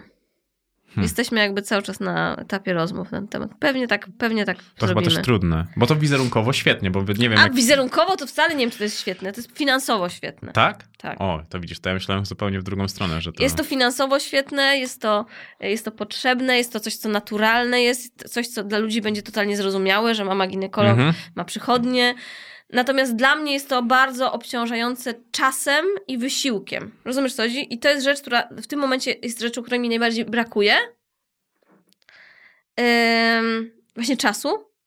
I nie wiem, czy jestem w stanie wygospodarować tak dużo czasu, żeby otworzyć przychodnię i naprawdę, żeby ona... W sensie, no... Więc to jest mój argument do Kuby. Mhm. Natomiast- Ale chciałbym, żeś miała przechodnie, szczerze powiedziawszy. Znaczy, myślę, że pewnie, pewnie tak będzie. No, tak jakby nie powiem, że za pół roku, za rok, ale no, Kuba by chciał, uważa, że to jest na pewno coś, co powinni, w co powinniśmy inwestować. A interesujesz się wątkiem polity- politycznym? Mało ostatnio bardzo. No. To było, czy się odkochałaś w Hołowni? Ale ja się nigdy nie byłam zakochana w Hołowni. Ja na dany moment uważałam, że to jest najlepszy wybór. W tym momencie jakoś nie mam ani na tak, ani na nie. Jak będą wybory, to będę się zastanawiać, kto jest na ten moment najlepszym wyborem. Mhm. A jak patrzysz na COVID dzisiaj? No bo zobacz, jak rozmawialiśmy, to powiedzmy tam był taki szczyt tej, e, tej epidemii, a jak patrzysz na to dzisiaj? Nie potrafię zrozumieć tego, dlaczego przez tak długi czas rząd uważał, że COVID jest czymś, co absolutnie rządzi naszym życiem. Teraz te, dalej mamy COVID, ludzie Mhm. mają COVID, a jak gdyby wszystko wróciło do normy, może i dobrze, może i niedobrze. Nie wiem, po prostu nie rozumiem tego dysonansu. Czemu przez tak długo było inaczej, a teraz jest inaczej? Nie potrafię tego zrozumieć. No, dlatego stwierdziłem, że zapytam lekarza, bo to ja ci pamiętam w pierwszej rozmowie... Natomiast czy to- ludzie dalej chorują, ludzie naprawdę bardzo ciężko przechodzą. Ym, ale już na przykład ci ludzie, którzy chorują, nie muszą się izolować. Okej. Do, no, ale pamiętasz, jak ci powiedziałem, na pierwszej rozmowie ci powiedziałem, że ja mam takie wrażenie, że takie pytanie, czy leci z nami pilot i, No. i to jest bardzo aktualne. Jakby no, dalej, nie wiem, nie wiem o co chodzi. No, mo, to, to może skoro teraz nie musimy się izolować, to może wtedy nie musieliśmy się izolować. I tylko straciliśmy przez to bardzo dużo pieniędzy na to wszystko, co... Mhm. Nie wiem. Nie, to- A to nie jest pytanie do mnie. Wiesz co, jak gdyby ja... No nie, dlatego pytam o twoje, o twoje odczucia. No to nie jest tak, że ktoś, co, to o czym my rozmawiamy tutaj, żeby ktoś Wiesz, to brał jako też, że każdy, wyrocznie. musieliśmy się tego nauczyć, więc tutaj mogę usprawiedliwić rządzących tym, że oni nie wiedzieli, co robią i cały świat tak robi. Mi się wydaje, że i całą kadencję nie wiedzieli. Więc oni trochę nie wiedzieli, co robią, musieli wymyśleć, co zrobić i patrzyli na inne kraje, robili trochę to, co inne kraje. Mhm. No, I don't know. No ja też tak, e, tak mam. No dobra, na koniec też możemy dać jakieś po, coś ciekawego, żeby ludzie e, mieli jakąś naukę z tego podcastu, chociaż wydaje mi się, że bardzo dużo fajnych treści e, przemyśliliśmy do, do rozmowy, naprawdę. E, takich e, sekso bezpłodnościowych i tak dalej, i tak dalej, to naprawdę raczej e, dużo. I też fajnie mi się przygotowywało do tej rozmowy, bo tak merytorycznie to jest, ja, ja lubię jednak. Ja wtedy sobie posłucham kilku książek, posłucham sobie jakichś podcastów, chcę zawsze zagłębić tą wiedzę i też to, co ty powiedziałaś. Chciałam zrobić żarcik, że oglądałeś strony pornograficzne. no i to bez przygotowywania. Eee, wiesz, teraz jest OnlyFans, e, nie wiem czy Nie wiem, co to jest właśnie. Co to, to, jest, jest? tak, że dziewczyny przestały dodawać zdjęcia w majtkach na Instagram, a dodają teraz na OnlyFansa, za którego trzeba zapłacić. To jest mniej więcej to. I naprawdę tam dziewczyny zarabiają potężne pieniądze. Jest dużo tam gości, którzy naprawdę ładują kasę po to, żeby podpatrzeć je e, powiedzmy w bieliźnie. To są jakieś tam bardziej pikantne zdjęcia, to OnlyFans. Więc tak to działa, a jak już jesteśmy przy bieliźnie, to powiedziałeś, że mm, 50%, twoich pacjent, 50% twoich pacjentek miało jakieś koronki, siateczki, inne, No. e, inne majtki, a powinny chodzić w czymś zupełnie innym albo bez. Ja mówiłam, tak, dokładnie, słuchajcie, więc to jest też ważne. Fajnie, że mnie pytasz. Nie, nie wiedziałam, że mnie o to spytasz, ale się cieszę. Em, m- em, sztuczne majtki, no i stringi, to zostawcie na dancingi. E, Taka nie. koszulka będzie. nie, chodzi ogólnie o to, słuchajcie, że majtki, które są z poliestru, które są z nieoddychających materiałów, a oddychające materiały to tak naprawdę jest bawełna i jedwab, ale Mhm. bawełn, jedwabne majtki są bardzo, bardzo drogie, to jest bardzo też ciężko dostępne. Także tutaj mówimy bardziej o bawełnie. To jest to, co pozwala waszej skórze, a w szczególności tej, temu rejonowi, który jest dość wilgotny, czyli krocze, srom, Mhm. y, prawidłowo oddychać i nie dochodzi do jakby zwiększenia tej wilgotności i wys- wysokiej temperatury, które powodują, że jest zwiększone ryzyko infekcji intymnych. Więc ym, jeżeli pacjentka przychodzi na wizytę i mówi, że ma nieprawidłową wydzielinę, ma infekcję, a ja widzę, że ona ma sztuczną bieliznę, to ja już de facto widzę przyczynę tej infekcji.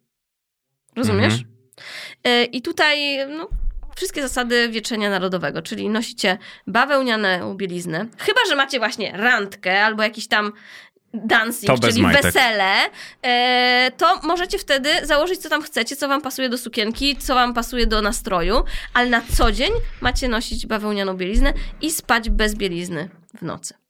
Z podniecenia y, nie nadusiłem nagrywania na samym początku, więc powiem wam, że gościłem dzisiaj mamę ginekolog. Dziękuję tobie. Bardzo dziękuję.